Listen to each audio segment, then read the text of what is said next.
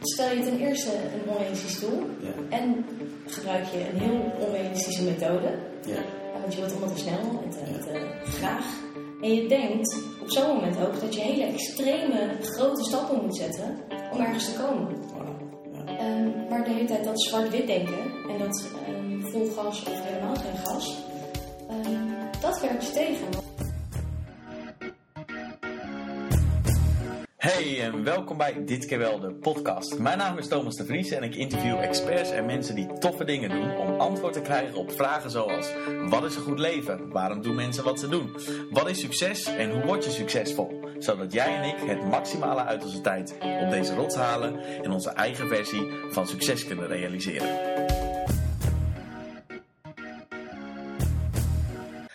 Aflevering nummer 6 alweer met vandaag mijn eerste vrouwelijke gast, Joy Bouwmeester. Ik kende haar al via social media en was al eens tegengekomen in Utrecht. Groot fan van de manier waarop ze zich profileert op social media. En toen ze vertelde dat ze mijn podcast al eens geluisterd had, moest ik haar wel vragen of ze gast wilde worden eh, op de podcast. Heeft inmiddels een trouwe following van ruim 60.000 volgers en wordt wel vaker geïnterviewd, bijvoorbeeld door de NOS, maar probeert vooral wat positiviteit de wereld in te brengen. Tijdens het gesprek bleken we meer raakvlakken te hebben dan ik van tevoren gedacht had. Dat blijkt ook wel aangezien we ruim anderhalf uur gehoord hebben.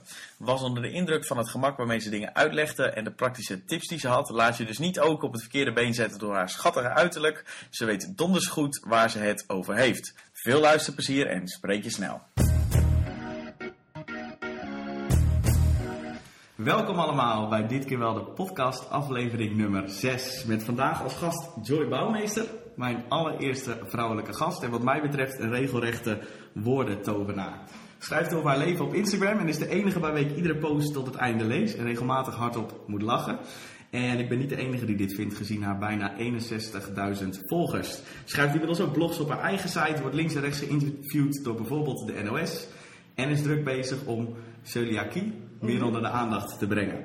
Maar probeert vooral, althans dat idee heb ik, wat positiviteit de wereld in te slingeren. Genoeg reden om haar te interviewen. Welkom eh, Joy. Dankjewel en bedankt voor de mooie intro. Ja, dat- graag gedaan. Uh, niks aan gelogen.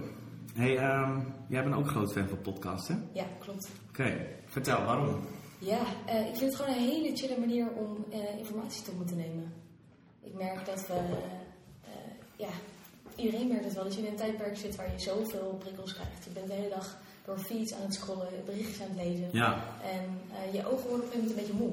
Maar je wil wel, of tenminste ik, wil wel slimmer worden en mezelf blijven ontwikkelen. mhm. Ehm, en toen dacht ik opeens, holy shit, er zijn podcasts. Je Ja. kan gewoon, terwijl je boodschappen aan het doen bent, kan je luisteren naar content die mensen voor je maken. Of Ja. eh, als je, de, als je eh, de was aan het doen bent. Of ja, desnoods als je aan het trainen bent. Of lekker aan het Ja. of wandelen bent. Ehm, dus ja, dat vind ik gewoon echt heel nice. Ja, het is inderdaad de enige man- eh, manier die je passief kan consumeren. Want als je Ja. moet lezen, dan kun je alleen maar lezen, tenminste. De meeste mensen denk ik. En als je video kijkt, dan moet je ook echt kijken. Maar dit kun je terwijl je stofzuigt, sport, loopt, kun je ook gewoon eh, luisteren. Ja, en ik vind het heel lekker dat er altijd een persoonlijke touch zit aan een podcast.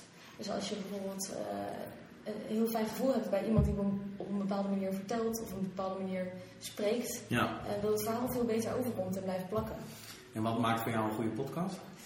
Oeh, ehm, als degene die de podcast maakt er zelf ook heel veel plezier in heeft. Oké. En dat merk je dan door Dat hoor je gewoon. aan het enthousiasme. van- Ja, en, en de boodschap die aan het eind van de show blijft hangen, zeg maar. Oké. Ehm, dat vind ik gewoon heel belangrijk dat je dat merkt.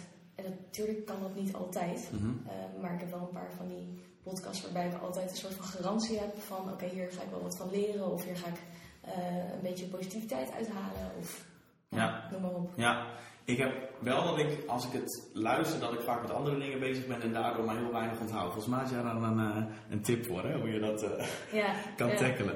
Ehm, we kwamen elkaar van de week tegen bij de supermarkt en toen hadden we al even een korte gesprek hierover. Ehm, maar ik heb inderdaad, ik, ik consumeer podcasts waar best wel veel eh, voedings- en fitnesskennis in zit. Mhm. Soms, niet alles, maar Mhm. soms. En op het moment dat ik daar iets van wil onthouden, dan maak ik gewoon even een notitie op mijn telefoon. Of ik maak een screenshot van het moment eh, waarop die belangrijke boodschap in de podcast zat. En dan kan ik later naar dat moment terugzoeken in de show en dan kan ik het alsnog opschrijven.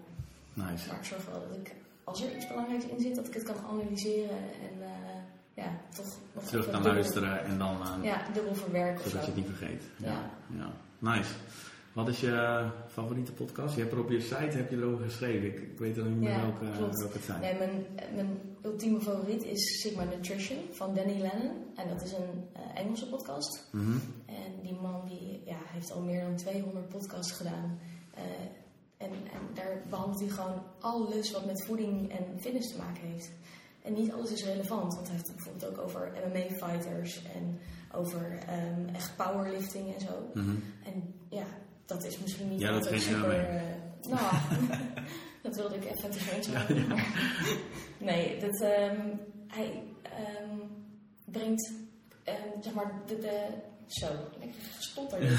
no worries. De kennis die wij op onze opleiding, voeding en diëtetiek, Ja. zeg maar, Mhm.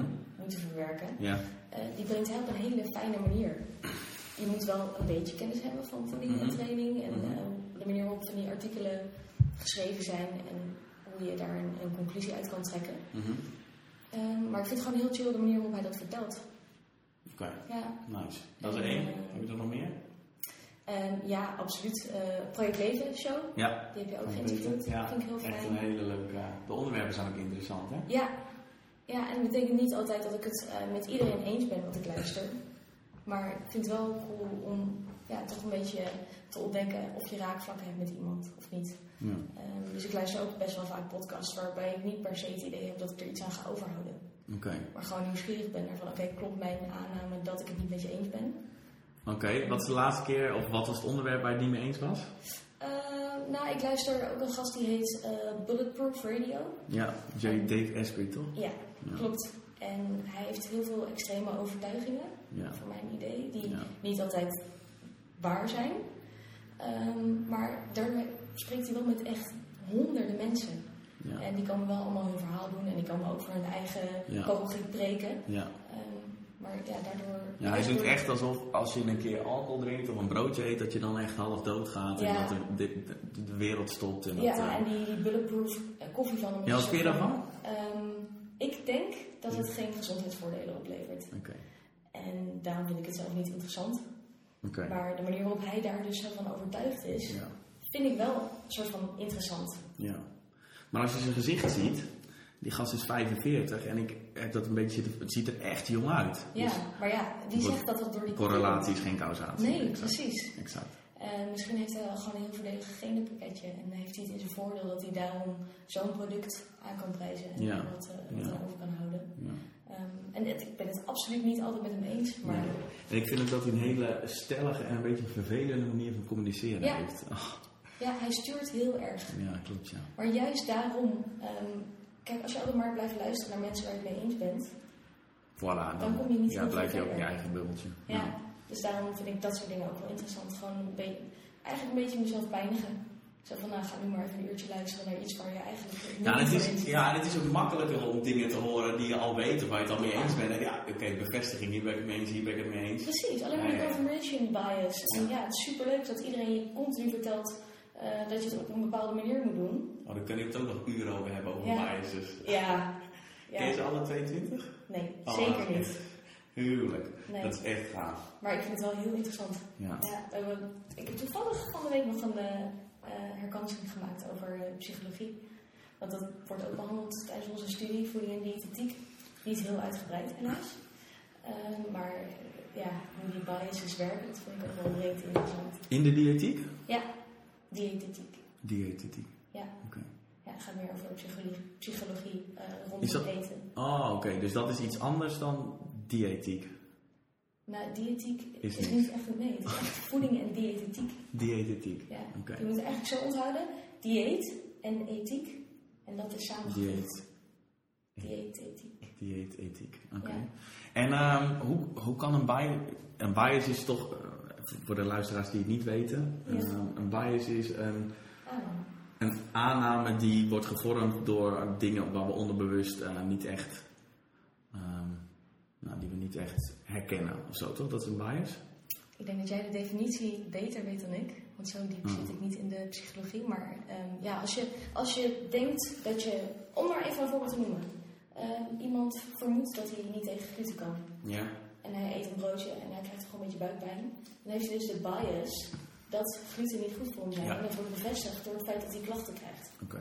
Dus dat, is, dat kan een bias zijn. Ja, maar als ja. jij denkt, oh, alle, ehm, alle duiven zijn echt kutbeesten. En je gaat googlen op eh, duiven kutbeesten. Ja, dan ga je alleen maar dingen vinden die bevestigen Oh, duiven oké. kutbeesten zijn. Dat is die conformatie. Je hebt ook een liking bias, dat je eerder iets aanneemt van iemand die je mag. Ja, tuurlijk, ja. Een autoriteitsbias, dat als iemand een witte jas aan heeft, dat je al denkt, oeh. Ja, Of als iemand een politieagent, dan neem je dingen veel sneller wel aan. Waarom? Omdat hij een politie-outfit aan heeft. precies. Iemand met een sixpack geloof je veel eerder die, Ja. als hij een, een vetverbrandingprogramma Ja, dat is trouwens een probleem. Dat iedereen met een sixpack Ja, denkt dat hij... is het ook. Ja, absoluut. Ja. Ja. Interessant. En nog een andere podcast naast Bulletproof en... Ja, Sam Harris. En, ehm eh shit, hoe heet hij nou ook weer? Wacht, mag ik even spelen? Tuurlijk. Sam Harris is van eh, 10% Happier, toch? Nee, dat is Dan Harris. Oké. Sam Harris is weer een andere. Oké. En ehm, die gaat heel erg over bewustzijn. Oké. Maar wat bedoel ik nou? Oh, hier, Under the Skin van Russell Brand. Russell Brand ken je misschien als komiek. Die Engelse... Oh, ja, met die lange zwarte haren. accent. Ja, ja, ja. Die eh, is toch een beetje een playboy-figuur. Ja, en dat was precies zo'n moment waarop ik een podcast ontdekte. Dat ik dacht, oh mijn god, ik kan dit echt niet uitstaan, maar ik ga het toch proberen. Oké. En toen, want ik, als komiek had ik altijd een blaadje van Russell Brand. Zo'n idee van, oh gadverdamme, ik wil hier echt niks mee te maken hebben. Nee. Dus, uh, seksters en rock'n'roll en uh, nee. Oké. Dat hoeft voor mij niet per se. Mhm. Veel te extravert en overdadig. Ja. En toen ging ik hem luisteren. En toen kwam ik er dus achter dat hij onwijs met, ehm, eh, ja, met bewustzijn en spiritualiteit en zo bezig is. Grappig. En juist omdat dat eh, van zo iemand komt die alleen maar in de, in de eh, meest extreme werelden heeft gezeten. Met gokken en drank en drugs en overal vrouwen. is het heel, vond ik het heel tof om te ontdekken dat je ook vanuit zo'n positie ehm, met mindfulness en met eh, bewustzijn bezig kan zijn. Ja, want het heeft nogal een woehoe karakter, hè, dat hele. Mhm. En als zo iemand het doet, dan wordt het wat... eh, Ja, iedereen denkt dat je met, eh met staafjes bier ook de hele dag op je blote voeten Ja. moet lopen. En Ja. zeg maar op iedere plek op zo'n mediteerkussentje moet kunnen gaan zitten. ja. Maar dat is het helemaal niet. En hij kan die boodschap zo mooi brengen. ook omdat hij zichzelf continu in de zijk neemt. Oké, dus hij neemt het vooral niet te serieus. Nee. Nee, juist omdat hij uit zo'n wereld komt. Under the skin heet het. Ja, under the skin. Ja. En hij, ja, de boodschap die hij uitdraagt, die eh, is heel erg gelinkt aan Jan Geurts. Ik weet niet of jij hem kent. De naam zegt me wel wat, maar... Ja, hij, heeft, hij, is, nou, hij komt uit diezelfde wereld. Maar Jan Geurts was eigenlijk de eerste persoon waardoor ik in contact kwam met ehm, ja, het hele idee van bewustzijn en, en meditatie, boeddhisme, de hele, het hele. Eh, ik had dat boek gelezen en toen ging ik daarmee bezig. En kort daarna luisterde ik dus die ehm, podcast van Russell Brand. Maar je moet je voorstellen dat Jan Geurts een man van volgens mij 60 plus is. Gewoon een grijze, hele lieve, rustige, Rustige man, ja, ja. Wat je zou verwachten van man. iemand die met meditatie bezig is. Ja, Oké. en toen dacht ik, oké, nou ja, als ik hier wat van voel, dan ben ik dus misschien ook zo'n rustig oud wijf ergens diep van binnen. En toen hoorde ik dus Russell Brand hiermee bezig. En toen dacht ik, Ja. oh wacht, het is niet alleen maar voor hele Nee. kalme, Nee. Fijne mensen. Het is gewoon voor iedereen. Ja. Dus dat vond ik een hele fijne... Ken je de ehm, podcast van Tim Ferriss? Ja, absoluut. Die Ja. heeft een boek geschreven aan de hand van die interviews die hij gedaan heeft, Tools of Titans. Mhm, ja. En hij heb, zegt, ik heb eh, de 4-Hour Body van Oh ja. hem eh, cool, ja, gebruikt. gebruikt ook. Ja. Oké, daar ben ik zo benieuwd naar. Maar hij heeft dus een boek geschreven over Tools of Titans. Met de, volgens mij zijn het de tools and tactics van de world's highest achievers of zo, zo noemt hij het. Ja, Het is gewoon gebundeld en hij zei, hetgeen wat het meeste overeenkwam tussen al die personen is dat eigenlijk iedereen een vorm van meditatie had. Ja, Een vorm van mindfulness van iedere dag even 10 minuutjes eh, nergens aan denken en even de rust nemen om de rest van de dag aan te vliegen. En toch, nu ik erover nadenk, is dat ergens ook een bias. Want hij gaat natuurlijk, hij interviewt mensen waarvan hij verwacht dat ze succesvol zijn of high Dat performance mensen zijn. Ja, maar zijn definitie daarvan eh, Oké. bepaalt wel wie hij interviewt. Snap je? Ja, dus dus misschien zegt als je- ook een bias. En zijn wij ook Oké, biased omdat wij... Ik ben zo, qua Tim Ferriss ben ik sowieso biased, zeg Ja. je wel, namelijk. Dus- Ik vind hem ook top. Snap je? Maar je Oh, maar dat is wel interessant. Dus jij zegt dat zijn maatstaf van succes bepaalt wie die interviewt en In zekere zin. daardoor zijn het vaak dezelfde types. Nee, ik zeg niet dat het dezelfde types zijn. Oké. Want ik weet dat hij een heel breed scala aan mensen heeft geïnterviewd. Ja. ook heel veel verschillende eh, topics, zeg maar, onderwerpen, Joy, gewoon Nederlands, eh, onderwerpen aanstipt. Dat hij ook niet vies is om een beetje eh, zijn eigen ongemak op te zoeken in die interviews. Nee, dat is die zeker niet, nee. Maar ik denk dat je altijd bij de bronnen die je gebruikt in je achterhoofd moet houden dat het ook maar hun referentiekader is of waar zij naar op zoek zijn. Doe je dat altijd bij alles wat je leest Nee, en hoort? nee, natuurlijk Nee? niet. Nee, je kan je niet continu bewust zijn daarvan, Is het zo? denk ik. Want het is te vermoeiend of zo. Denk ik wel. Ik vind het in ieder geval heel vermoeiend. Om continu bewust, mezelf bewust te zijn van mijn bewustzijn, Ja. dat, eh, ja, dat is wel redelijk vermoeiend. Het is ja. niet, ja, ja, het kan vervelend zijn, maar. ehm, het- En op een gegeven moment iets- de- kan het ook zo extreem worden dat je nergens meer in gelooft of zo. Dat je, dat je overal denkt van ja, maar misschien Dat is je dit wel een bias. gelooft. Of dat- Ja. Je mag ook wel ergens in geloven gewoon. Nou, ik heb- Ja. wel echt een periode gehad. Ik heb afgelopen zomer dat boek van Jan Geurts gelezen. Nadat het al twee jaar bij mij in de kast stond. Oké. Ehm, het werd aangeraden door een collega van mij en ik wist dat ik het moest lezen. En ik wist dat ik wilde mediteren en ik wist dat ik daar me in wilde verdiepen. Het Mhm. gebeurde gewoon steeds niet. Mhm. De afgelopen zomer, eh, nadat ik terugkwam uit Thailand, toen ben ik, ja, kon ik me er wel toe zetten, gelukkig. Ehm, maar daarna, toen dat boek helemaal uit had, heb ik ook een periode gehad dat ik continu dacht, oh, maar, ehm, ja, maar is dit dan mijn bewustzijn? Of hoe moet ik dit zien? Of, toen ging ik ook wel heel erg twijfelen. Ehm, dus ja, je hoeft je ook niet altijd daarmee bezig te houden. En Nee. bewust te zijn van alles waar je je bewust van kan zijn.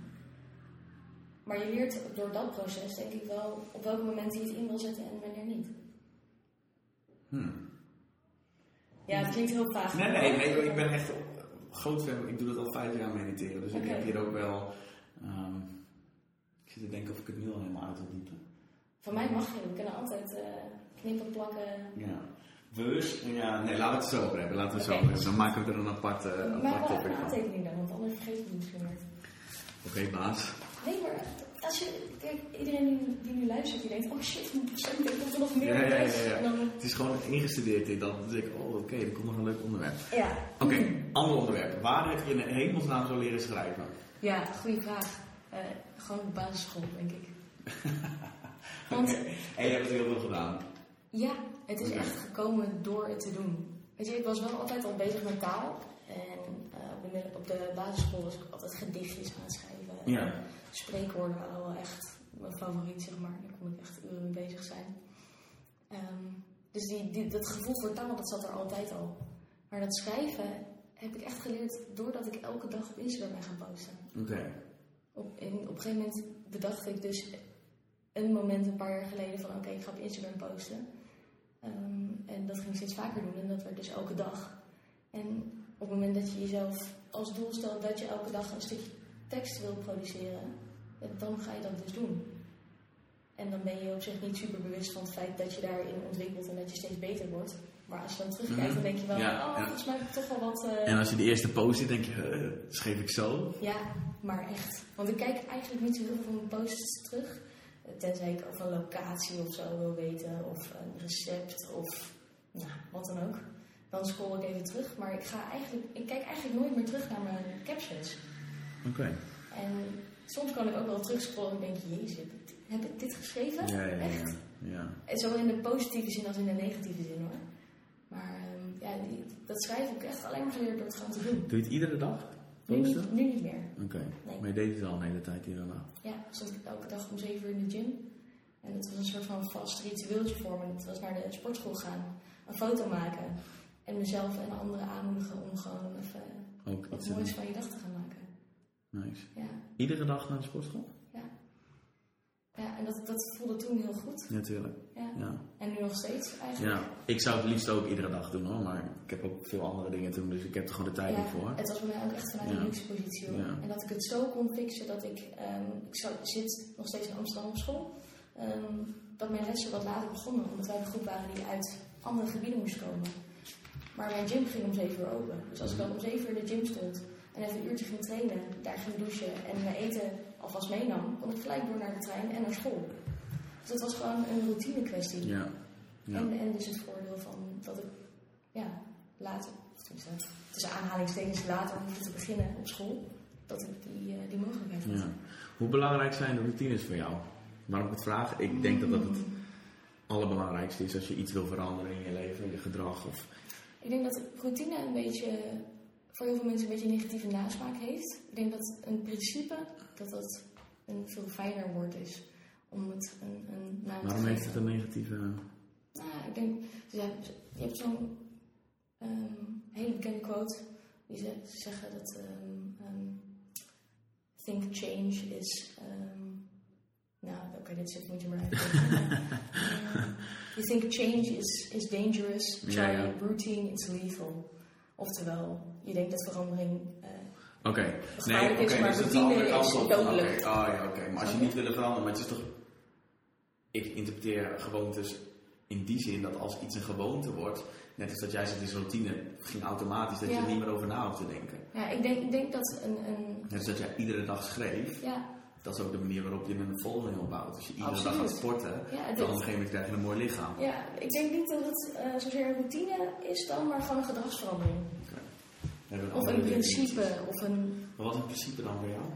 Dus iets wat je Ehm, iedere dag doet? Ja, als je bijvoorbeeld ehm, leeft vanuit het idee, oké, ik wil goed voor mezelf zorgen, en dat als principe benadert, ehm, dan ga je vanzelf wel elke dag trainen. Dan, hoort dat, dan, is dat een, een, dan vloeit dat voort uit je principe. Ja. Je wil eh, je fitter voelen, nou, en dan ga je eh, dingen eten die bijdragen aan je gezondheid. Ja. Dat vloeit dan ook voort uit zo'n principe, Ja. snap je? Ja. En, en, en een ander kan dan zeggen, oh ja, nee, maar die, die doet alleen maar dat. Is alleen maar met die routine bezig. Oh, wat zwaar. Snap je? Ja, ja, op die manier. Ja, dit is je leven voor deze onderwerpen. Ja. Dit is als iets onderdeel van je identiteit wordt. Je zegt principe, maar ik, volgens mij bedoel je er ook mee dat als je de persoon bent die gewoon sport of Ja. gezond, dan wordt het zo- zo'n je belangrijk ding. Ja, zo ben ik gewoon en dan doe je, doe je die dingen. De enige manier om blijven te veranderen is als je identiteit aanpast. Jij ziet jezelf als een sportief iemand. Kost het moeite voor jou om te sporten? Nee. Nee. Ik zie mezelf ook als sportief iemand. Ik zie mezelf als leergierig. Ik lees graag boeken. Komt Precies. gewoon dat onderdeel van je persoontje is. Ja. Maar dat is wat heel veel. Ik begeleid mensen om fit te worden. En heel vaak zeggen ze: Ja, ik ben gewoon geen sporter. Ik: Oh het wordt echt lastig. Want als je niet, geen sporter bent of jezelf niet als sportief ziet, dan is dus sporten altijd niet in lijn met de persoon wie, wie je bent. En dan, Nee. dan wordt het een lastig verhaal. Dus Ja, en het komt vooral dan door het beeld wat zij hebben van sporten. Mhm. Dat betekent alleen maar dat ze tot op dat moment alleen maar gesport hebben op een manier die niet bij ze paste. Ja, ja, ja dat is ook mooi. Dat zegt, ja, ik, ben gewoon niet, ik hou gewoon niet van sport. Ik zeg, hoeveel sport heb je geprobeerd dan? Ja, Ja. superveel. Ik zeg, noem ze eens op dan. Ja, hard gelopen en gebadmintond en, eh, Ja. en een keer gefit. Dus ik, oh, ik heb drie sporten geprobeerd. En je houdt niet van sporten. Moet ik zo om lachen altijd. Ja, ja, maar ja, ik snap het ook wel heel goed. Maar het is alleen maar... Dat, ja, dat Wat snap je dan? Ehm, ik snap dat je geen dingen wil doen waar je je ongemakkelijk Ja, voelt. Ja. Dat, dat je tegenstaat. Dat je uitdagingen eng vindt. Of dat je bijvoorbeeld als je voor het eerst in een nieuwe groep moet begeven of zo. Mhm. Dat je daar best wel tegenop kan zien. Mhm. En dat je dan, als iemand hier naar vraagt, kan Mhm. zeggen... Ik hou niet van ehm, mezelf begeven in grote groepen die ik niet ken. Mhm. Ik snap Word je dat. nog ongemakkelijk als je nieuwe dingen moet doen? Ja, tuurlijk. Elke dag. Ja, dat blijft. Oké. Maar ik denk dat je gaandeweg leert dat een, een uitdaging of iets waar je bang voor bent, dat dat niet zozeer een uitroepteken is van oh je moet het niet doen, je moet het niet doen. Maar juist een uitroepteken met de boodschap, hier zou wel iets heel tofs uit groei, kunnen je komen. zit groei. Ja. Ja. ja. Maar ja, er staat wel een waarschuwingstekentje bij. Maar Ja. de manier waarop je dat interpreteert, dat is aan jou. Ja, ik las laatst een quote, moest ik zo lachen, dat er stond in dat een groot deel van mensen hun ongeluk wordt veroorzaakt doordat ze niet daar naartoe rennen waar ze ongemakkelijk zijn. Ja, Toen dacht ik, ja, dat is wel, dat is wel echt zo. De dagen dat ik aan het eind van de dag denk, oh, goede dag, Mhm. zijn de dagen dat ik echt gewoon mijn weerstand heb opgezocht en dingen heb gedaan waar ik me Ja. oncomfortabel bij voel. waarvan je eerst dacht, fuck, ik heb hier Ja. echt geen zin Maar in. heb je, oké, eh, wordt het makkelijker bij je om, om dingen te doen waar je ongemakkelijk van wordt? Heb je daar... eh, Ik denk dat je, als je het maar vaak genoeg doet, dan bouw je een soort van buffertje op met ervaringen van, oh, het is toch wel goed gekomen. Ja, ja. Ehm, want het valt altijd mee natuurlijk, hè? ja. Ik heb een heel stom voorbeeld. Ik, ik ging mijn minor doen, minor ondernemerschap. Ja. En ik heb letterlijk, ja, het is heel beschaamd dat ik dit vertel, maar ik heb letterlijk met tranen in mijn ogen op die introductiedag gezeten. Dus ik schoot zo in paniek. En we werden een soort van aangemoedigd van, oh, je zijn ondernemers en jullie gaan het maken en jullie gaan het doen. En aan het eind van deze minor heb je een bedrijf opgezet en winst gemaakt. En dan kan je vakantie boeken naar de Bahama's. Oh jezus. Zo, zo ging het echt. Wat zielig. was echt nee, niet zielig. Ehm het was uiteindelijk heel goed. Waarom? Omdat je gaat die minor ondernemerschap doen, omdat je wel ondernemend bent. en als Oh, dat op dat die moment dat gevoel niet in je naar boven komt, dan kan je maar beter weg zijn. Want oké. anders ben je alleen maar nadeel voor alle anderen Ja, waar je een ja. groepje mee vormt. Ze probeerden meer een gevoel te roepen. Ik dacht dat ze een beeld schetsten van Ja. dat gaat ook daadwerkelijk gebeuren. Het kan. Als je heel erg je best doet, dan Is kan het het. iemand gelukt? Of, eh? Ehm, nee, maar er zijn wel bedrijfjes ontstaan die wel gewoon lekker gecashed hebben. Oké. En dat is gewoon heel cool. Oké. Maar eh, ik zat daar op die introductiedag met tranen in mijn ogen. Ik dacht, ik wil hier weg. Wat dan? Jij zag het niet zitten? Nou, ik, ik zag mezelf niet als de persoon die dus eh, uiteindelijk op de Bahamas zou zitten. Omdat ik dat alleen maar super eng vond. Ik dacht, ja, maar dan moet ik geld verdienen. En dan moet ik eh, opeens eh, met mijn hoofd in de grote mensenwereld. En ik kan dat niet. Ik zou mezelf alleen maar de, de grond in de praat. Ja, ja, ja. Nergens voor nodig natuurlijk. En nou, in, tijdens die introductiedag twee, drie vrienden gehad. Ik trek het niet, ik heb een paniekaanval, maar ik kan het niet, help. Nou ja, ik heb de beste vrienden, ik heb niet superveel vrienden, maar de vrienden die ik heb zijn echt de beste vrienden ooit. Dus ik heb volgens mij, Zoveel heb je niet nodig, toch? nee precies, ik heb echt twintig appjes gehad met, kom op zo, je kan het even rustig ademhalen, komt Mhm. helemaal goed. En toen dacht ik uiteindelijk, oké, ik hoef alleen maar deze middag uit te zitten. En als het dan nog niet bevalt, kan ik altijd nog weg. En dat was, ik, die dag was klaar en ik dacht echt, oh, wat cool. Het is me ten eerste gelukt, ten tweede, ik hoef nergens bang voor te zijn. En ten derde, holy shit, we kunnen allemaal toffe dingen gaan doen. En dat was echt zo'n unit van een uitroepteken, Ja. inclusief tranen en paniekaanval en ik wil naar huis. Ah. Wat uiteindelijk gewoon heel cool was. En wat maakte dan dat je ontspannen werd? Dat je zei tegen jezelf, ik hoef maar tot het eind van de dag hoef ik, Ja, hoef ik er te zitten. Dat gaf rust van, oh, het is niet een ellenlange leidersweg, het is het eind van de dag. Is wel Ja. een mooi principe, daar, kunnen Ja. veel mensen wat aan hebben. Ik wil er iets over zeggen. Want dat, alleen maar dat stukje. We denken heel vaak dat we, als we een doel stellen, bijvoorbeeld het halen van die minor, of ehm, een fysiek doel, Mhm. of een, eh, weet ik veel wat voor ander doel, een baan of zo die je wil, dan zie je gelijk al het hele plaatje voor je. Dan moet je al die weken dat en dat en dat gaan doen. Ja. En dan zie je alleen maar die soort van spel omhoog lopende leidensweg Mhm. van alle dingen die je moet doen. Je hoeft echt alleen maar die komende 24 uur te overleven. En dat lukt vaak wel. Ja. Je hoeft niet alles al voor je te zien of uit te stippelen. Het alleen maar even rustig adem te halen en te denken: oké, de wereld vergaat niet. Ik hoef niet alles in één keer te doen. ja, En niet alles hoeft nu. nee. Ken je het ehm, stoïcisme? Ja, Heb je er ook al ik ja, over gelezen? heb Of, nog niet super goed. Oké. Maar wat ik ervan weet, vind ik wel heel interessant. En daar, daar ik wel eh, raak. Ja, als ik je dit hoor zeggen, want Ja, die, zij zeggen dat er drie hoofdpunten zijn voor een goed leven. Dat je je percepties moet controleren, Mhm. ehm, de juiste acties moet nemen en los te laten waar je geen invloed op hebt. Maar die eerste, dat is eigenlijk dit. Het controleren van je percepties. Want jij ja. dacht op een gegeven moment, oh die miner, dit kan ik helemaal niet. Totdat je dacht, oké, ik hoef alleen maar het eind van de dag te halen. En toen was de perceptie van, oh dat kan ik wel. En toen kwam er ook een rust over je heen. Als je En- dat dus kan, En dat controleren waar je geen invloed op hebt. Maar je hebt op die dag, op dat moment, in dat zaaltje, geen invloed over de hele uitwerking van de rest van je minor. ja, oké. Die- Of van de rest van, eens. van de komende maanden tot aan de, aan de zomer, wanneer je in de knie wil lopen, bij wijze van spreken. Ja. Dus ja, dat, dat lijkt daar precies op. Als het nu weer zou gebeuren, zou je dan herkennen bij jezelf, oh oké, dit is weer zo'n moment, eh, eind van de dag, of Ja. opdelen, of Maar ik zou in eerste instantie alsnog in de stress schieten. oké. Absoluut. Ik denk niet dat ik dat verleer. Maar ik denk ook niet dat dat hoeft. Dus het is, nee, het is niet dat het niet meer gebeurt, je weet er alleen beter mee om te gaan. Nou ja, eh, op dat moment denk je, oh het is zo slecht van me dat ik dit niet kan of Mhm. niet durf. Mhm. Maar als je je daarna beseft van oké, dit was alleen maar even iets waar ik doorheen moest, dan geef je een andere betekenis in die situatie. En dan weet je de volgende keer, oké, ik heb dit al een keertje meegemaakt. Toen heb- ben ik ook niet bloedend die zaal uitgekomen. Ja, ja, Ik ja, heb ja. even een blauw oog geslagen. En dat is wat je bedoelt met vaak doen. Ja, Gewoon vaak dat is de ongemak enige manier om Ja. jezelf te- aan te blijven herinneren dat het wel goed komt. Ja, ja, Maar ja, zeg dat maar eens tegen iemand die net begint. ja. Want- Ik heb dan nog steeds als ik video's maak, dan ja, eerst is het, don't aim. sta ik en dan, oké, dan drie keer en denk ik moment, ja, dit heb ik nou zo vaak gedaan, ga dan Ja. op de camera staan. Ja, want hoeveel video's heb je, heb je al wat online staan nu? Nee, ik heb voor mijn eigen product maak ik video's. En ik heb wel, nou, wat zullen er online staan? Zeven of acht of zo. Ja, Ah. oh, dat is wel redelijk wat mee. Ja, het is op zich. Ik ben al begonnen. Ik Ja. ben al begonnen, laat ik het zo zeggen. Maar ja, Ja. de ehm, consequentheid ervan, die moet er nog inkomen. Maar ik ben een beetje bezig met mijn message en hoe ik het wil Formuleren en naar buiten Ja. Ja, dat- zou kunnen zeggen dat dat een uitstelgedrag ding is, maar ik, inmiddels weet ik wel dat het niet ligt aan mijn. Nou, ik moet gewoon op mijn boodschap. Ja, maar ik stel dat, het, stel dat het wel gedeeltelijk uitstelgedrag is. Is dat dan zo erg? Goeie vraag. Kijk, hele iedereen... goede vraag. Ik herken dat bij mezelf ook hoor. Ik stel ook dingen uit.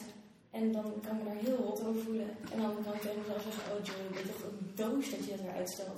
Dat is Ja. niet nodig. Ja. Bla bla. Nee, ik ken het verhaaltje wel. Maar ja, is het, is het zo erg dat je Ja. shit uitstelt? Iedereen veroordeelt elkaar er misschien wel om. Maar dat hoeft helemaal niet. Nee. Nee, het is ook wat iemand nodig heeft. Hè? Want op sommige Ik kan mezelf de grond in trappen als ik iets niet doe. Oh, Dus ik, ik- ook. Net zo goed.